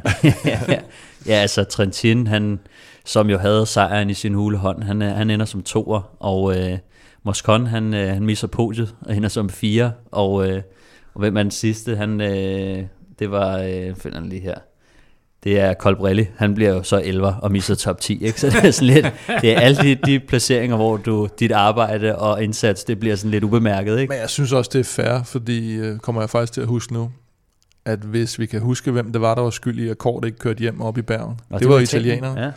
Var det Becciol, der lå og netop for Trentin, og så fik de ikke en skid ud af det. Mm. Men det var kun det var kun deres skyld, at øh, ellers så havde Kort kørt hjem, for der var ikke nogen andre hjælperytter tilbage. Det er rigtigt, ja. Så der fik, øh, så fik Mads lige Fik de givet lidt tilbage. revanche der. Øh, Løbet ændrede karakter på meget, meget positiv vis set med, med danske øjne på øh, tredje sidste omgang med cirka 40 km igen. Der er kørt et lille udbrud med øh, blandt andet Stefan Køng, og hullet op til de to øh, forreste, eller tre forreste, det lukker Mads Pedersen, og derfra der ændrer løbet karakter. Ja, det er der, der bliver, det er der, der bliver kørt vedløb, kan man sige. Ikke? Øh, hvor, hvor, hvor det andet har egentlig været sådan en øh, udmavende øh, ja, test for, om, øh, altså der var folk, der allerede stod af inde der, selvom der, der, der nærmest ikke var blevet sådan kørt offensivt i front. Og øh, ja, han får Tønnesen med på hjul, og han bliver allerede sat inden Mads kommer op, og så kommer han op igen, og så bliver han sat igen. Altså, det er også sådan lidt at tænke, ah, det var alligevel ærgerligt, fordi så skulle hollænderne ligge og trække ned bagved, Mm. hvis bare Tønnesen, altså en dårlig Tønnesen ville jo være god nok at have med op, ikke? Ja. Så, øh, så det var lidt, og så, ja, så kommer Moskon op, og så, øh, så, og, så, og så kommer det afgørende, det er jo, øh, da Trentin og Van der Pol, de, øh, de laver deres ryg, og, og der kan man sige, er det Van Avermaet, der sidder lige bag ved dem, tror jeg. Og, og det er der, hvor der, der ved folk godt, at det er der, de skal med. Øh, Sagan skal med der, Van Avermaet skal med der. Øh, Valgren kunne i princippet også have kørt, kørt med der, hvis, hvis han havde øh, benene til det. Men det er der, hvor, hvor toget kører, ikke? og hvor man også tænker, det er de to der, der skal kæmpe om sejren. På det tidspunkt i hvert fald. Mm. Jeg havde ikke taget højde for, at øh, der var en øh, dansk mas øh, med, som havde tænkt sig at, at gøre noget helt andet, nemlig at, at vinde øh, det her VM. Øh, da udbruddet, øh, de kører, Øh, så sidder der fem mand, det er Van der Pol, det er Trentin, det er Moscon, det er Køng og så Mads P. Øh, og så sker det her overraskende med 12 km igennem, nemlig at, at Mathieu Van der Pol, han går helt kold. Øh, så ryger Moscon også af, og så kommer de her tre drenge til mål sammen. Øh, og, øh, og Mads P. viser sig så som den stærkeste op og øh, vinder spurten på, øh, på, på fornemmeste vis, nærmest med, med tre cykellængder ned til, øh, til Tren- Trentin. Men uh, Stefan, vi har, vi har været lidt inde på det, men vi havde otte ryttere med som nation. Mm. Øh, og det er jo kun i aller sidste øjeblik, at vi på ranglisten overhaler England, og dermed får 8 med i stedet for 6. Hvor meget betyder det for Mads Pedersens sejr? Jamen, øh, jeg tror, det betyder meget for, øh, for kollektivet. Altså, at det er vigtigt, at vi, øh, vi har flere, der kan vinde. Fordi det er om noget, altså nøglen til, til sejren. Øh, det er rigtig svært at, at gå ind til et cykelløb med, med en kaptajn. Øh, og specielt så svært et cykelløb, som kan folde sig ud på mange måder. Og der er mange momenter, som skal dækkes, fordi at... Øh, det er ikke bare sådan, at når man kører et cykelløb, så er der ikke bare et moment, du kan sidde og vente på. Der er et hav af momenter, og der er flere ting, sådan at øh, når man, hvis udbruddet, som Kort var med i, øh, havde der siddet en eller to ryttere mere med der øh, i den rigtige kombination, jamen så havde de kørt hjem. Øh, så, så det kunne have været et moment. Øhm, og, og havde, øh, altså der er bare så mange momenter, der kunne have været anderledes, så, så det handler bare om, at man er med i de forskellige øh, momenter, og det med, at vi har kort med, det gør, at vi ikke har noget ansvar ned bagved. Så det handler hele tiden om at have flere gode ryttere, som kan dække øh, tingene ind og sætte de andre op til en bedre position. Øh, vi kender det lidt ligesom, at, øh, at øh, når der sidder en eller anden gruppe, og så sidder to øh, holdkammerater og rykker på skift, og det er jo sådan, at man sætter sine holdkammerater op. Hvis man angriber, så sætter man altid sine holdkammerater op, for at nu kan de spare sig og ligge på lur, og ikke tage nogen føringer osv. Så, videre. så det handler altid om at, en ting er, at man, man kører med i de ting, der er, og så, så handler det også om at sætte sine holdkammerater op til at spare kræfter og kunne, og kunne opsøge nogle andre momenter. Så, så det er rigtig vigtigt, at vi har otte mand med, fordi det, det øger bare vores muligheder for at køre et godt cykelløb. Havde vi haft fire mand med, jamen så havde, det, altså, så havde vores, øh, vores muligheder for en sejr været meget, meget mindre, markant meget mindre. Altså sådan øh, 10 gange. så, så, ja, ja no, men, men det, er jo, det er jo en vild god pointe, det der, fordi det første udbrud, der kører, der er kort med, mm. øh, og det næste øh, afgørende udbrud, det er jo der, Mads P. han sidder med, og der Mads P. han sidder med, så kan Valgren og Fuglsang jo, som egentlig er vores ja, ja. kaptajner, jo sidde og, og, og køre fuldstændig alibikørsel øh, i feltet, og vente på, jamen bliver det her hentet, ja. så har de masser af kræfter. Vi så jo også Valgren senere øh, sidde med øh, rigtig mange kræfter, og bliver jo femmer, øh, da han kører afsted sammen med Sagan. Men, men er det ikke, det er forskellen på 8 og 6 og ikke 8 og 4, ikke? At vi, øh, at vi sikrede os der. Jo. Mm. Og, og det var mere fordi Stefan sagde, at det var forskellen på, at hvis vi kun har fire mand med. Det, Nå, altså fire eller det, seks nu. Ikke noget om. Gjorde ikke det? Nej. Nej. Nå, det troede jeg. Du skal bare, du skal bare fokusere bare efter. Ja, men, bare, øh, bare hør. Nu, nu efter, når eksperten han taler, ikke? Godt så. Så, nej, men, men, men altså, det var jo netop, og så, så ender det selvfølgelig med at blive det afgørende udbrud, Mads han kommer med i, men altså, vi får aldrig rigtigt at se, mm. hvor stærk Fuglsang er, og vi får aldrig rigtig at se, hvor, hvor stærk Valgren er, bortset fra, at han jo gør det der med, at han kører med Sagan, da Sagan kører, og mm. han ser overskudsaktiv ud, Valgren. Han ser overskudsaktiv ud hele vejen igennem. Ja, det gør han, og, og, og altså, øh, jeg hørte også lidt om, at, at han faktisk øh, havde haft lidt maveproblemer, øh, havde været af cyklen på et tidspunkt øh, for at lave et eller andet, og, og havde også været punkteret og sådan noget. Men det var alt sammen noget, som, øh, som hvis det ikke blev fanget på tv. Øh, så det melder også bare om, at han faktisk har haft nogle flere øh, problemer undervejs, end, end, end hvad det lige så ud til. Øhm, men jo, altså som vi siger taktisk, øh, hvis øh, Kort ikke havde været med i det første udbrud, så kunne det være, at Mads P. han havde skulle have siddet og føre øh, mm. for Valgren og, øh, og Fuglsang, ikke? Og øh, hvis nu, at Mads P. ikke var kørt med i det udbrud, jamen, så kunne det være, at der var nogle andre, der skulle have siddet og ført. Øh, så kunne det være, at, at Valgren selv skulle sidde og tage noget ansvar øh, og, og bruge noget krudt på det. Så, så mange ting øh, ændrer sig i forhold til, hvor mange rytter vi har med. Men en ting, som jeg, jeg gerne lige vil nå at, at sige, inden vi går videre, det var, at, øh, at man sidder og tænker sådan lidt, jamen, okay, Mads han vinder, men er han så øh, den stærkeste i verden og sådan noget? Og det er der mange, der sådan, som, ah, du ved, de vil ikke altså, tænke, at han var den, den bedste i verden, men der har jeg det sådan lidt, når man kører cykelløb, så handler det ikke altid om, hvem der er den, den absolut stærkeste, fordi at der er så mange forskellige typer øh, af cykelryttere, at den bedste må betegnes som ham, der sætter sig i den position, hvor at du har evnerne til at vinde. Det er klart, at, at Mads P., han har nogle andre evner. Øh, det ser vi jo, han, han vinder det her cykelløb, så han kan jo et eller andet specielt. Øh, han behøver ikke at køre et cykelløb, hvor han skal sidde og mandsopdække Van der Pol for at vinde. Øh, det er klart, altså hvis han skal have det optimalt ud af sig selv, jamen, så skal han på forkant, fordi han har ikke helt det samme ryg. Til gengæld så har han mere udholdenhed.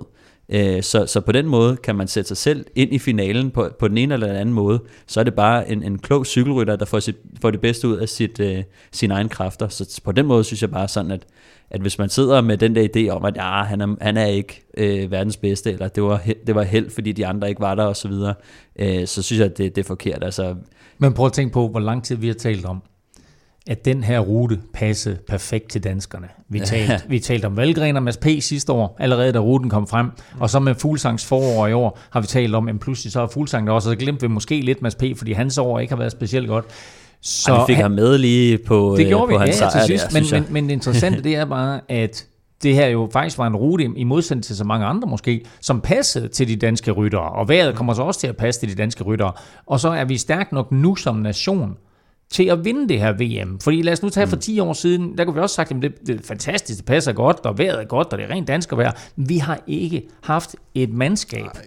Et Nej, mandskab, det, der har været i stand til at levere, ligesom det her mandskab gør. Nej, så synes jeg, vi har været inde på det tidligere, at de kører det taktisk godt, og, øh, og så, så tror jeg også, det betyder noget, det der med, at altså i forhold til det der med, om du har, om du har 8 eller 6 rytter, jeg ved, ikke- jeg ved ikke, hvor meget det betyder på selve dagen og på de enkelte rytter, hvis man lader sige, hvem var de to første, der stod af? Var det Mørkøv og Kasper P. eller sådan noget? Hvis man skulle, Kasper og hvis man, Kasper. Nå, det kan også være de Ja. to. Altså hvis man skulle have taget dem ud, hvor meget ville det så have betydet? Men bare det, at, at du er en af de store nationer. At du føler dig som en af de store nationer.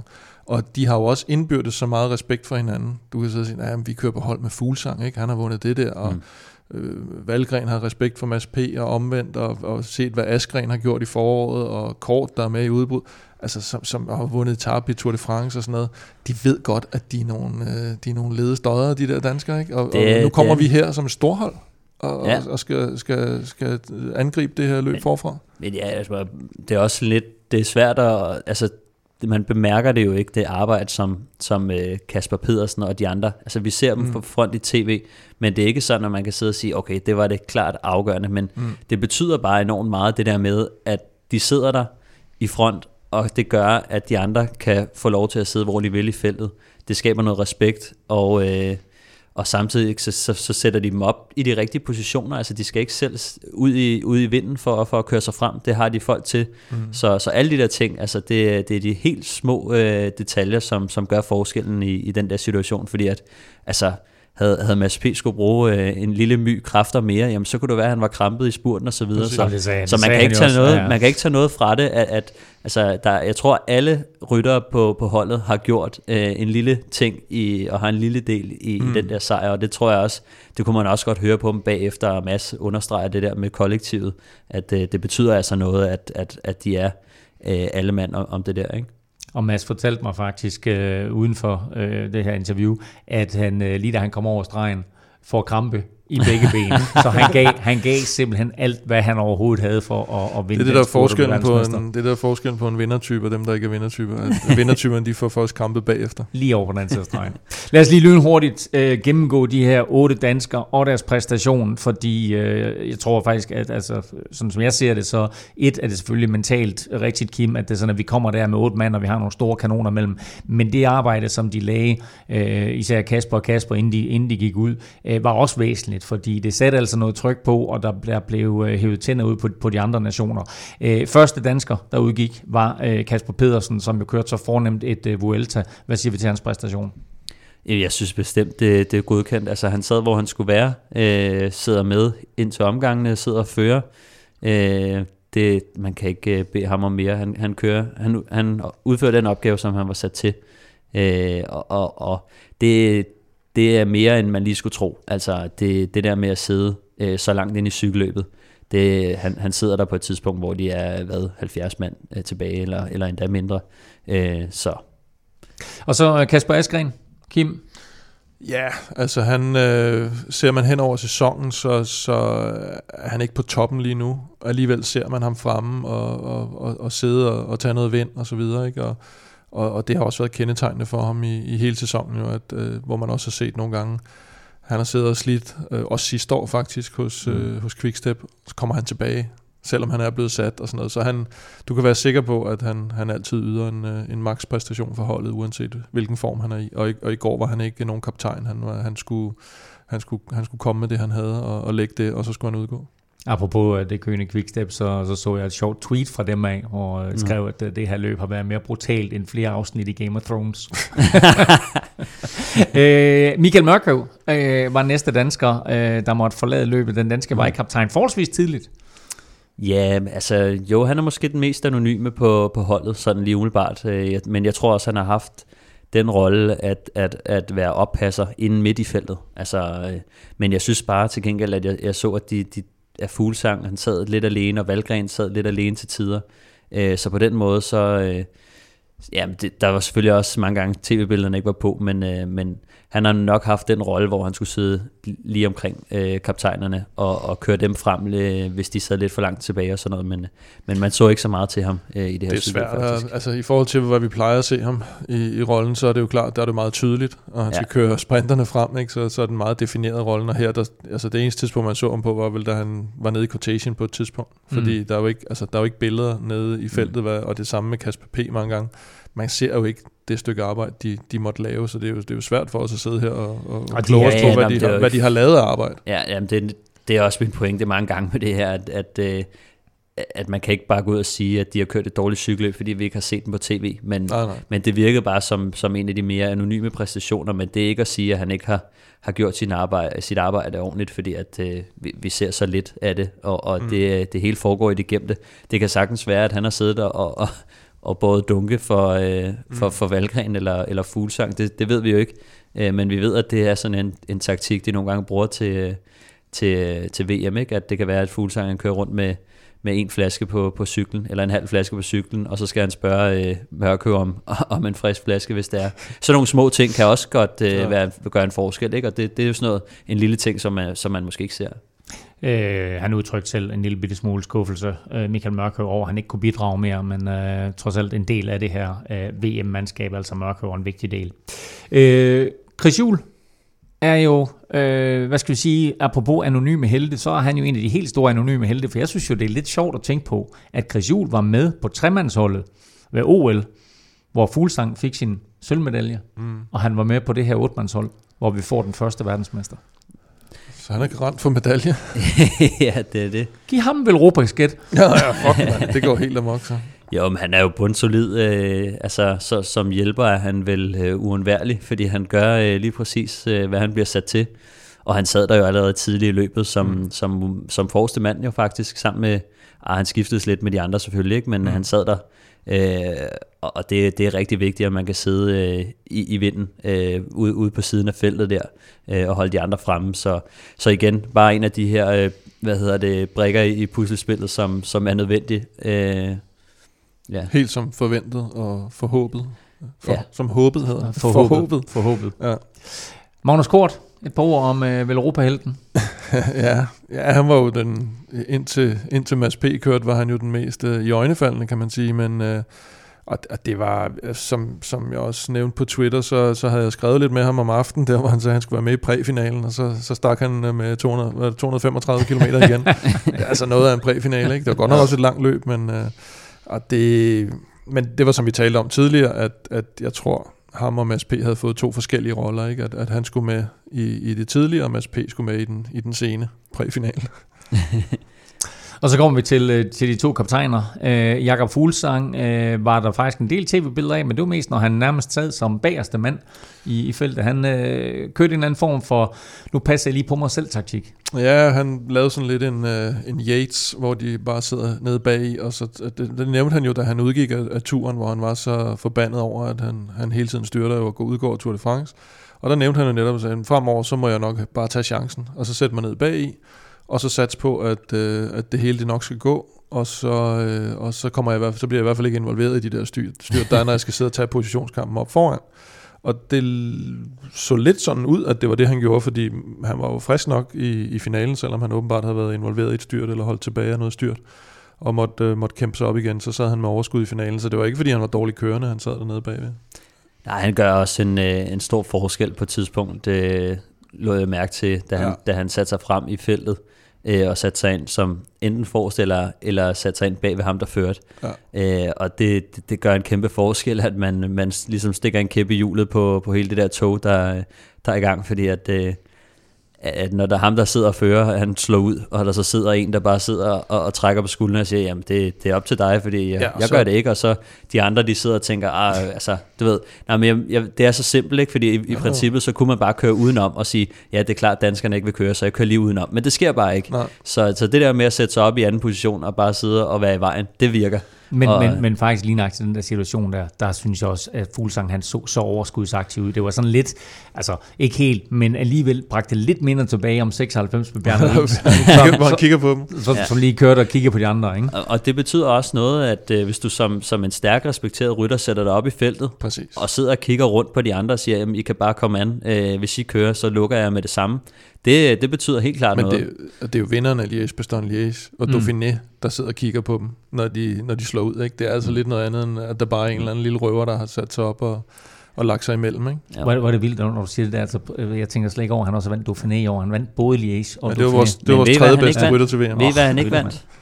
Hvad han ikke vandt. Han vandt ikke turen, efter han havde vundet øh, Dauphiné. Det vil jeg bare lige øh, pointere. Fordi Okay. det sker Kæmpe meget sjældent. Ja, nej, jeg tror, man skal lytte til vores turoptakt for at forstå den lille interne joke. Michael Valgren, sidste mand, øh, men næstbedste dansker og ind på en fornem femteplads. 6. plads. Var det, var det sekser?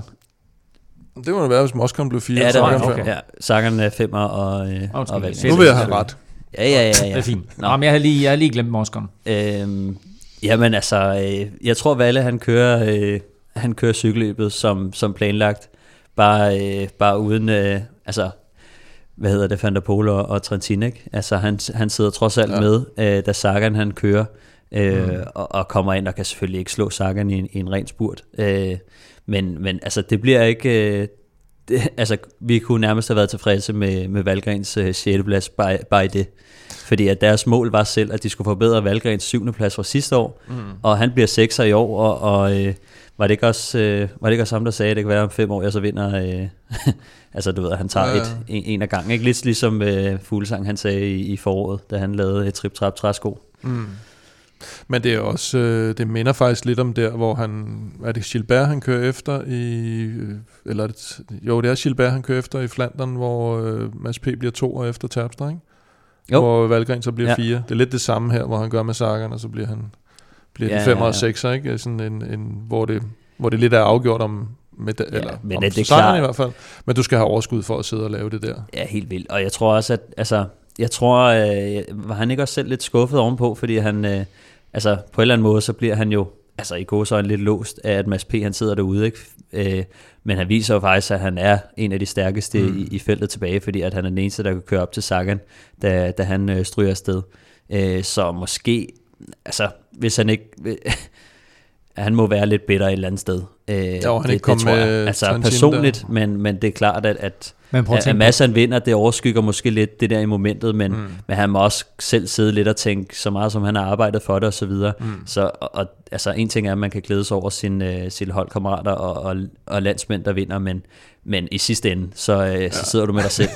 og øh, er- der er ingen, der er så glade for, for en holdkammerat sejr, som, som hvis du selv vandt. Altså, det skal vi også bare lige huske på, at, at det er ikke bare ren øh, jubel. Øh, der sidder en, øh, en, en fuglsang, der, der ikke har fået øh, det ud af det, som han var kommet for. Mm. Og Valgren, som, øh, som sidder med kongeben og, og, altså, og, og bliver sekser. Det, jeg vil ikke sige, at, øh, at de ikke er glade på, på Mads vegne. Det er de selvfølgelig. Men, øh, men jeg tror også, at han må sidde tilbage med sådan lidt øh, fornemmelse af, af noget skuffelse. Men det er jo fedt, at de, at de smadrer det jo trods alt ikke for hinanden. Som, øh, Nej, og det er som, jo perfekt, Som Rodriguez altså. og Valverde gjorde det på et tidspunkt, og, og vi har set før, ikke? At Jo. øh, der, de respekterer i hvert fald hinanden nok Ja, det- til, at øh, det de er kører enormt. som et hold, og kører fantastisk som et hold. Ikke? Det er enormt vigtigt, øh, og vi så det jo i, øh, da, i Flandern, at, at øh, selv når de ikke kører på samme hold, så respekterer de også hinanden. Mm. Det behøver de selvfølgelig ikke, men at det er der, det, ja. det betyder altså noget, øh, fordi at, øh, at, at, at det, kommer, det gavner dem, og, og når, de, når de alle sammen er så gode, at de kommer til at sidde i nogle finaler på, på kryds og tværs, øh, så, så gør det altså meget godt, at, øh, at du kan være sikker på, at når Valgren han øh, en dag kører, og Mads han sidder i feltet, så er det ikke Mads, der lukker, Nå. selvom de kører på forskellige hold, fordi at du har den der i, i, i, i banken, ikke? Den sidste mand på det her 8 hold, han hedder Mads Pedersen, og øh, der er kun én ting at sige om ham, og det er, at han er verdensmester. Michael Valgren blev 6'er, og Fuglsang blev nummer 12. Kort fortalt, Danmark styrede det her VM. Vi skal lige omkring de andre VM-resultater og et par andre nyheder fra cyklingens verden, men i første omgang der bliver vi altså i Yorkshire. Kvindernes linjeløb fik nemlig en helt suveræn vinder. Hollandske Annemiek van Vleuten vandt efter et øh, pænt, episk solorit på 104 km. Stefan, hun var i en klasse for sig. Ja, det må man sige, og det tror jeg faktisk også, hun har været det meste af året. Øh, selv i optakten her, der nævner vi, der nævner vi hende som, som den bedste rytter, men også øh, Marianne Foss som den bedste afslutter. Øh, hvordan det lige udfoldede sig, det var jo så bare, hun, øh, hun, hun tog styring, og så, øh, så rykkede hun jo 100 km udefra, eller hvad det var, og, ja. og så så hun sig ikke tilbage, og de kunne bare ikke hente hende, og selv gruppen bagved, der sad og kæmpede, de, øh, de smuldrede jo også bare, øh, fordi at de kunne ikke, de kunne ikke engang hente på hende. Så altså, det, det var en præstation i, i særklasse. Der, ja, det, det er utroligt, at man, at man kan det. Altså, Kollegerne i, øh, i kvindecyklingen, de kalder hende for The Alien. Og det her, det var, det var sådan lidt en præstation, der var out of this world. Øh, det var helt, det var helt vildt at se, at, øh, at hun kørte solo i 104 km. TV2's kommentatorer sad også og sagde, at det var nok lidt langt ude. Men hun udbyggede føringen og kom i mål med over to minutter til den nærmeste rytter. Annemiek van Vleuten, verdensmester, også hollandske øh, Anna van der Breggen kom på podiet. Hun blev 2 og 2 minutter og 15 efter, og så Amanda Spratt blev 3 og 2 minutter og 28 efter, mens øh, vinder af kvindernes enkeltstart, Chloe Dijkert, blev 4.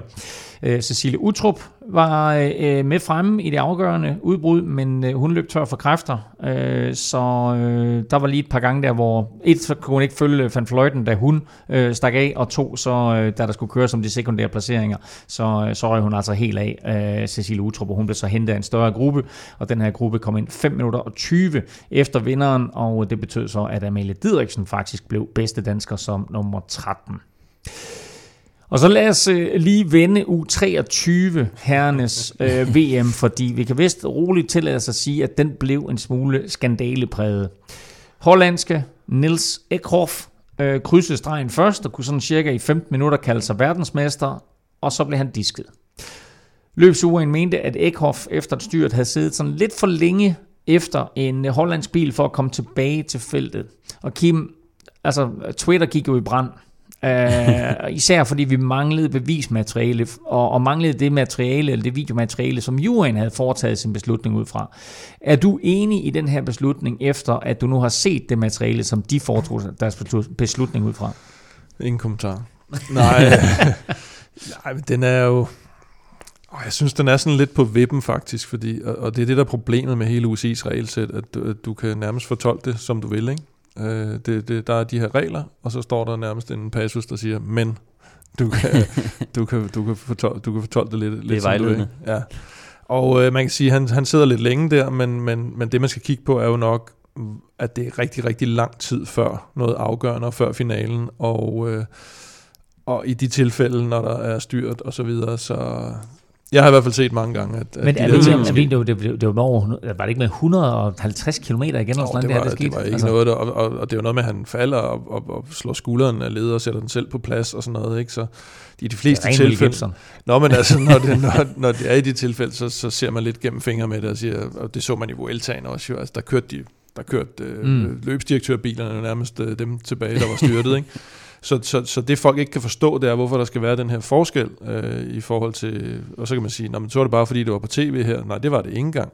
For det var det til gengæld i Vueltaen, hvor det så var tilladt, og, og, og det er det, der er problemet med UCI's regelsæt, det er, at du kan ikke, jamen altså, det her er jo en slags var, bare for, for cykling, ikke? og så, så det gik også galt. Så, øh, så det er sgu lidt svært. Jeg, det, der, jeg synes, der er noget, måske, der er forkert med, med timingen af det, synes jeg. Øh, ja, og det der med, at han så først bliver taget efter, han er kommet i mål og sådan ja. noget, det, det, det, det, det, det, Men det, det svarer det, til, bedre, øh, jeg var ude at cykle i går med nogle af, af drengene også, vi, vi vendte lidt, øh, ude at cykle med Kamper og Mark Hester og nogle andre, og, og det var sådan lidt, vi sad og snakkede om, det, det skulle have været sket noget før. Altså, det kan jo ikke være rigtigt, at, at hvis man sammenligner det med nogle andre sportsgrene, så er det, altså det svarer til en, øh, en fodboldspiller, der får, får rødt kort, men så bliver på banen og, og scorer to mål, og, og du ved, og så, øh, så trækker man det fra, men hans assist og tackling og sådan noget, det bliver der stadig, fordi at ja. han har haft indflydelse på ja, cykelløbet. Mm. Altså, så det er alligevel sådan, jamen, hvordan kan du diske ham... Øh, efter så lang tid, altså, øh, og, og den indflydelse, han har haft på cykelløbet, den er, den er jo den samme. Øh, så, ja. så altså, det er, det er lidt skidt, synes jeg, og, og, og måske havde det været bedre bare at, at lade ham stå på podiet. Øh, ja, fordi at, øh, altså, der er også, så kommer der andre videoer frem, som viser noget lignende øh, hos, hos andre rytter, ikke? og de er ikke blevet disket, så er det åbenbart kun ham, der vinder, eller dem, der gør det godt, der, der bliver disket for det, ikke? Jo, der øh, var jo, hvad fanden var det? Var det ikke Van der Pol under... Det tror jeg, jeg skrev på Twitter også for der. Der så du en passage, hvor du så to gange tv-billeder af ham, hvor han lå bag ved den hollandske vogn. Mm. Øh, og det var over to minutter. Men det interessante, og det, det, det, er også lang tid før finalen. Ikke? Det interessante ved det her, det er jo, at det her, det var fredag. Og lørdag til kvindernes løb, der så man jo decideret tv-billeder af kvinder, der var bange for at lave stik i bottle, og sådan, du ved, nærmest ikke turde ligge bag ved bilen, og ikke turde du, altså, have nogen som helst former for, for, for håndkontakt med en sportsdirektør inde i bilen. Og man så faktisk lidt det samme i herrenes øh, linjeløb om søndagen, at det sådan er lige pludselig, mm. så kom der en eller anden form for, for øh, afstandtagen og bekymring for, uha, hvad sker der nu? Kan jeg risikere at blive dømt jeg, for et eller andet her? Jeg har heller aldrig set så meget øh, billedmateriale nede for de der opkørsler. Altså, de filmede jo folk fuldstændig vanvittigt ja, dernede i quotation. Det, det, det gjorde de også i, i, øh, i søndagens løb. Og det plejer man jo aldrig, fordi du, det er lidt ligesom, når folk teaser, ikke? så væk med kameraet. Ikke? Ja. At det, det, det gør du altså ikke, det der. Og, men det, problemet er jo med uskrevne regler, at, at de er lidt svære sådan at at opretholde eller ikke opretholde, og det, det bliver jo bare sådan skøn hele tiden, og du kan reelt Det er mere en anbefaling. Sige, ja, ja, det er en vejledende, vejledende regelsæt. De må ikke uh, sidde på, nå, så det virker Og folk også. kører ud og ind over fortorvet og sådan noget, som er ulovligt, og Pitcock fik mm. et eller andet, hvor der var nogen, der kørte foran og stillede en cykel til ham, som du heller ikke må og sådan noget. Og det, det, det er bare, altså det er den der, øh, at der ikke er konsekvens. Der har været rigtig, rigtig mange rytter, både på hans eget U23-niveau, men også rytter på World Touren, som har ytret deres support for ham. Øh, sågar øh, så jeg en, øh, nu kan jeg ikke engang huske, hvem det var, der var en, en World Tour rytter, der har skrevet en blog omkring, hvor han skriver, hvis Niels Ekhoff, han har snydt, så har jeg også. Og dermed øh, sagt, at alle har gjort det her, eller alle har fået hjælp på den her måde. Og havde det nu været med 20 eller 30 km igen, kunne man måske have forstået, at der var et eller andet med det her. Det var med langt, langt igen. Og, og han kører et fantastisk løb, skal det lige siges, ja. Ekhoff derefter. Altså, ikke? Så, så altså imponerende, at, at han vinder det løb her, og får frataget titlen. Jo, men du, altså, du har jo for, hvor, hvad var det, Fletcher, der blev slået i Gent Wevelgem en gang, øh, på opløbsstrækning, ja. hvor, hvor løbsdirektørbilen kommer kørende med en belgier op, og jeg kan huske, om det er, om det er Nico Ekhout, eller Nico Matan, eller hvad fanden det var, han hed, som, øh, du kan ikke huske, du kan ikke huske, hvad han hedder. Jeg kan ikke huske, hvad han hedder, men der også noget med, at han sådan nærmest var halv fætter til ham, øh, løbsdirektøren, ikke? Altså, det er på, det er på opløbsstrækningen, mm. han bliver pacet frem. Ikke? Og han er lige blevet sat. Altså, ja, og så her, finder han lige benene. og, det her, det er, og det her, det er jo halvanden hundrede kilometer ude, ikke? I, i noget, hvor han har været styrtet og sådan noget. Det, det, det, det holder ikke rigtigt. Ja, det, det, og det er jo, altså, det sker jo konstant. Altså, og det er jo... Øh, Altså, det er jo klart, det sker en milliard gange, hvor at, øh, der ikke er tv på, og øh, det er sket en milliard gange, hvor der har været tv på, hvor der ikke er sket noget, og lige pludselig så sker der noget. Og det er lidt den der med sådan, hvad, hvad kan man så regne med, ikke? Men en anden ting, man også skal huske på, det er, som cykelrytter, når du, øh, når du er ude for sådan noget her, og du står i en situation, hvor du siger, okay, enten så tager jeg imod det her, eller også er jeg ude i cykelløbet. Ja. Altså, det kræver ikke den store, øh, det store speciale i menneskelig øh, psykologi for at regne ud, at der tager du lige chancen og hopper ja, med på vognen, og så er du tilbage igen, og så er du nulstillet. Danskerne de kørte et øh, flot løb. Andreas Kron var øh, med i finalen og blev øh, og til at starte med nummer 6, men så altså efter den her diskvalifikation af vinderen, så øh, blev han øh, forfremmet til en femteplads, mens den danske U23-verdensmester i enkeltstart, Mikkel Bjerg, blev øh, nummer 8. Øh, kort Stefan, et, et flot løb af danskerne også her. Ja, altså e-, enormt flot faktisk. Øh, de sad jo med, øh, da der var splittelse ude på, på bakkerne. Nu kan jeg ikke engang huske, hvad de hedder. Øh, men det, det, det segment, som blev skåret fra i, mm. i Hernes. Og der var jo, der var jo led sidevind, og, og vi mister jo Stokbro, som var, egentlig var kaptajnen. Men da, da det hele det blev sat på spidsen, Kron han er jo siddet ude i udbrud før, og ja. bliver så hentet lige der omkring. Og der sidder Mikkel Bjerg, og så Kron, og så sidder øh, Morten Hulgaard også med. Så egentlig rigtig godt med. Øh, selvfølgelig kunne vi godt have haft øh, Stokbro øh, med os. Den bliver også disket, jo. Ja, det gjorde han så også. øh, men øh, det er så en, en mindre sag øh, i det ja. tilfælde. Men altså, virkelig, virkelig imponerende af Kron, at han sidder ja. i udbrud, bliver hentet øh, midt i det moment, hvor at det hele går bananas, og så øh, er han med i finalen og, og kører med der. Og øh, havde det ikke været for øh, ham, øh, Ekhoff, så kunne det være, at han var blevet verdensmester. Fordi det er faktisk ham, der lukker Kron, da han prøver at åbne op øh, lidt udefra. Ja. Jeg tror, det er omkring kilometermærket, da Kron han lige prøver at teste den af. Øh, og øh, der er det faktisk, øh, og der er det ham, der kommer på hjul. Der, der, der, der lukker ham med det samme, fordi han er den mest øh, ja. spurtstærke. Så på den måde, det var også lige for at lige have den mm. med, i forhold til, at det havde han været disco noget før, eller et eller andet, så... Øh, nå, nok om det, men, men altså Kron, øh, ja. bare lige for at sætte et hurtigt ord på Kron, øh, altså fantastisk øh, cykelrytter, virkelig klog, og, og jeg har jo kørt på hold med ham også, og altså blev bare øh, altså virkelig imponeret over ham fra, fra første år, hvor han bare viste, en, han var en moden cykelrytter, som, som gjorde, hvad der skulle til. Altså han gjorde arbejdet, og han gav aldrig op, og det var nogle gange i nogle cykel, hvor jeg sad i, i udbrud, så kunne Kron lige pludselig komme op alene øh, bagfra, selvom vi havde haft tre minutter. Så sådan, øh, bare sådan en rigtig fighter, og det, det viser han på, på bedste vis her, hvor han bare fra udbrud til, øh, til sidevind til igen at, at køre finale, øh, at, at han har altså også en stor base. Det hele det endte altså med, at øh, manden, der vandt løbet, han blev diskvalificeret, og dermed så blev det italienske Samuela Battistella, som øh, blev U23-verdensmester. Og så til en øh, nyhed, som ikke har så meget med øh, VM at gøre, øh, og så alligevel en øh, lille bitte smule, fordi øh, ikke overraskende, så skilles Bahrain Merida og den nye kårede verdensmester i enkeltstart, Rohan Dennis. Og øh, Kim, det kunne man faktisk godt se allerede i søndagens VM-løb. ja, der var, der var en lille, lille forsmag på det, at uh, Rowan Dennis han kørte på en BMC-cykel, som han jo kørt på tidligere, men uh, når man er sponsoreret med Rita til daglig, så, uh, så var det lidt underligt, og der har jo været de her kontroverser uh, i turen, hvor der også var snak om alt fra cyklen til hjul til hjelm, han ikke var tilfreds med, og, uh, og så kom det frem, uh, sådan, var det en halv time, tre kvarter efter Mads P. havde kørt over stregen, sådan, mens det hele bimlede og bamlede med det, så sned de lige en pressemeddelelse ud om, at i øvrigt for 14 dage siden havde vi opsagt, øh, eller har vi reddet øh, Rowan Dennis kontrakt i stykker. Hmm. Men øh, han har anklaget, eller han har indklaget den til UCI, og ikke, øh, vil ikke øh, acceptere det. Så, så nu må vi se, om, øh, om han kommer ud af kan være, de skal bytte rundt med noget Sam Bennett, som så ikke kan komme... Kan de ikke lave sådan en kabale? der, der, bliver, der, er en, alle, der er en eller anden kæmpe kabale, der så, skal så, gå op. Så, så, så, så alle bliver tilfredse. Men det er jo mærkeligt, fordi han har jo selv sagt, at øh, han gerne vil blive. Og så sker der alt det her. Og øh, nu er han så øh, fritstillet og gør så indsigelse der. Men det er jo fordi, at øh, hvis, du, hvis du river kontrakten i stykker, så er det nok uden løn i hvert fald. Og ja, det, det, han vil gerne have ja, det, næste års gerne have, have pengene med. Ja. Men øh, det, når det så også er sagt, så, øh, så bliver det også spændende at se, hvem der, hvem der får ham til, til næste år.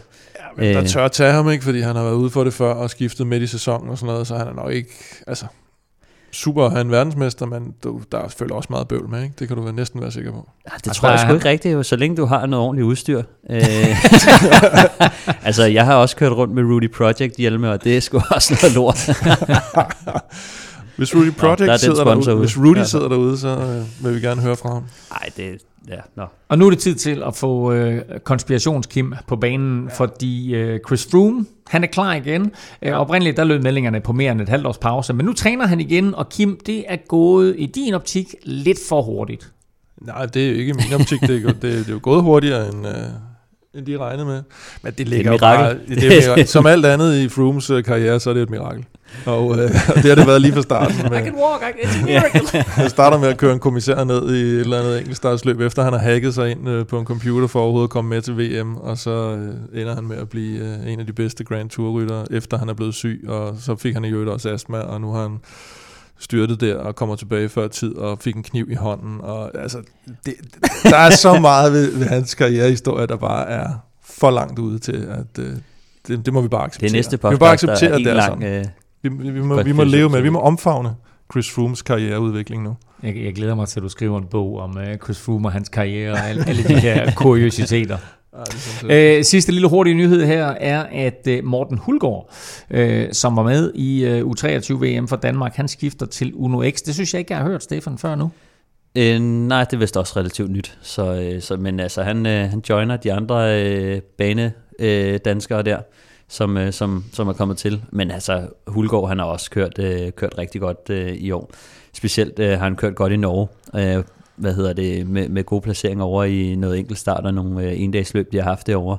Øh, nogle et-to løb. Men, øh, men, men det er sådan noget, som, som de jo godt kan lide. Øh, så, så han har vist sig frem derop og, og jeg tror, de er glade for danskerne lige i øjeblikket. Så, øh, så ja, og godt det, efterår. Ikke? Det kan mene. Men altså, som det jo er, øh, hvis man vil normalt så, så, så har danskere med at køre godt på hjemmebane, og det er jo også meget godt, men altså hvis man vil til, til de udenlandske hold, så, så, så, så giver det god mening at gøre det godt op i Norge, så bliver de norske hold interesseret. Ja, men det er jo lidt sådan, at man, ja, ja. Skal, man skal gøre det for næsen af dem, øh, ja. og så, så kommer interessen så også, og det, det ser ud til, at, øh, at det er det, der er sket for Morten.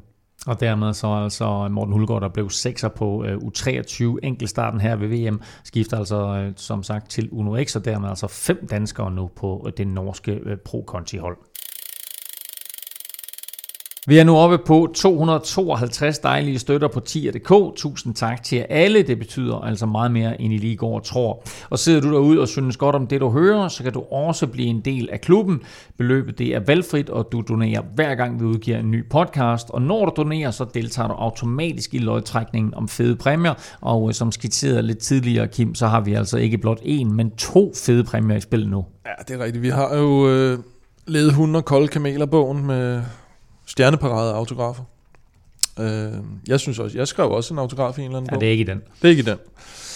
Det var også meget overraskende. Og øh, det er 275, og 300 støtter, så er det den nye Møllerpark, Møllerparken øh, volume 2.0. Uff. Med Mads P. Øh, kasket, underskrift, dukfrisk. Ej, det er altså så sejt. Det, er, det, det, det, er måske bliver- den det første Bliver, autograf, der er blevet lavet, øh, siden han kom over stregen. Det er en af de første i Jeg hvert det fald. ikke. Det er der Det er måske... Han, han fortalte mig faktisk Mads Måske, efterfølgende, at måske. han havde, øh, han havde stået og skrevet autografer i en time. så øh, det, har, det har været helt vildt. Du finder en link til tier.dk, både på velropa.dk og på tier.dk. Øh, og øh, vi har en lodtrækning, vi skal have gang i her, Stefan, nemlig et free bet til Otto. Og øh, jeg har lige trukket lod, og øh, vinderen, det er Martin øh, Højgaard. Martin Højgaard. Martin Højgaard. Ja. Jamen, øh, tillykke med det. Hvor meget donerer Martin? Jamen, øh, Martin han har smidt øh, 15 kroner i siden, øh, han er faktisk en af de nye. Øh, Ja. Så det, øh, de har været lidt heldige her på det sidste. Øh, men siden den 13. september. Okay, det er kun Så. lidt, lidt over 14 dage. Så, men øh, hey, sådan kan det gå. Øh, tillykke til Martin. Øh, tre lodder havde du i puljen. Det er jo sådan for alle vores lodtrækninger her, at øh, for hver femmer man donerer, der får man altså et lod i puljen. Så jo større beløb, jo større lodder, og dermed altså større chance for at vinde.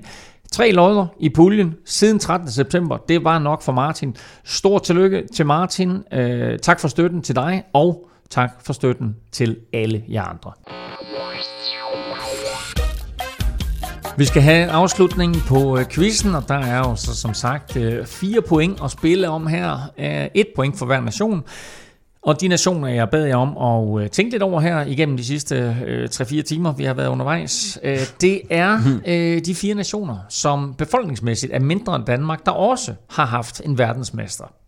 Så øh, fire nationer, der er mindre end Danmark, har haft en verdensmester. Stefan, du har serveretten, du er bagud 25-22. Hvem skal svare først? Det skal jeg. Du svarer først, ja. Øh, Luxembourg. Luxembourg har vundet medaljer, men har aldrig vundet et VM. Ej. Så har jeg ikke flere bud, tror jeg. Jeg siger, øh, jeg siger Norge. Norge er fuldstændig korrekt. De har sådan 500-600.000 mennesker færre end Danmark.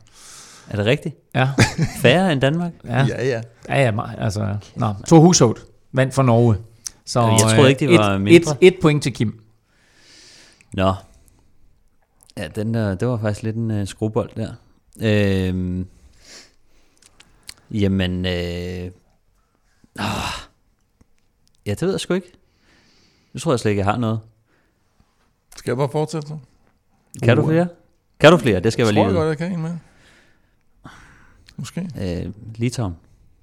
Ej, hvordan... Hvad fanden sker der? Det er så, det er så heldigt, det der. Litauen har en bronzemedalje, ingen sølv og ingen guld. Er det rigtigt? Ja. Rigtigt? Ja. Hvem havde du regnet med, det skulle være? Nå, men så siger jeg, så siger jeg Letland. Nej.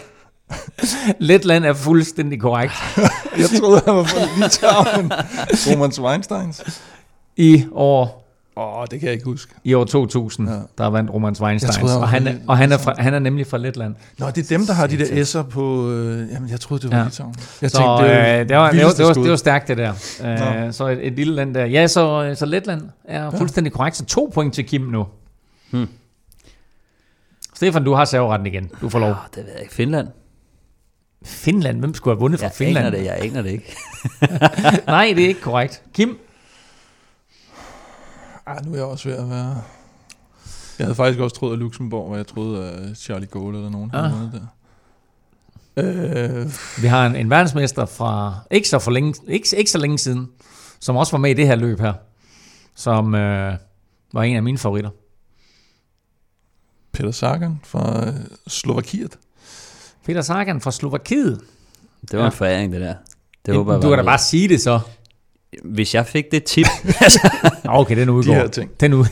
Du, det var da stadig ikke din så, serveret. er der, så er der en tilbage, eller hvad? Så er der en Tilbage. tilbage. tilbage. Ja, hans søn kører i feltet nu. Og den står 1-1 jo. Hans søn kører i feltet nu. Irland. Korrekt. Ej.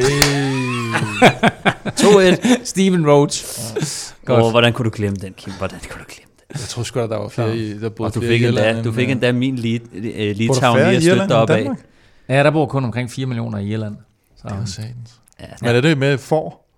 Nej, det er udenfor. Ah, okay. Der bor væsentligt flere med for. Nå, men det var, det var altså de korrekte fire nationer.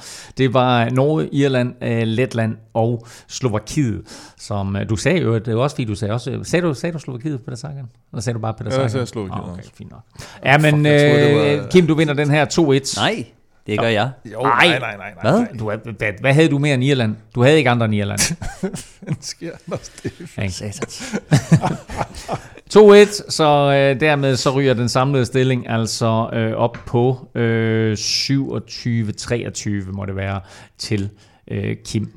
Øh, din timing, din timing, Stefan, den var ikke, øh, den, den var ikke helt spidsen skarp her. Til gengæld så må man rose Mads P. for sin timing, fordi han har nu kørt 65 løb i år. Hans bedste placering var en tredje plads i en etape i Polen rundt, inden han sidste søndag vandt GP Disperg, GP Disperg og så i går blev verdensmester.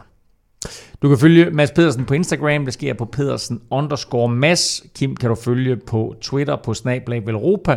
Og Stefan finder du også på Twitter, og det gør du på Snablag Stefan Djurhus. Undertegnet finder du alle steder, Twitter, Insta og Face på Snablag NFL Ming. Tak for nu. Tak fordi du lyttede med. Tak til vores partnere Shimano og Odset fra Danske Spil. Og her fra Europa Podcast skal der bare på vegne af Stefan og Kim lyde et kæmpe stort tillykke til hele det danske hold, der var i Yorkshire. Mads Pedersen er verdensmester. Det er så vildt.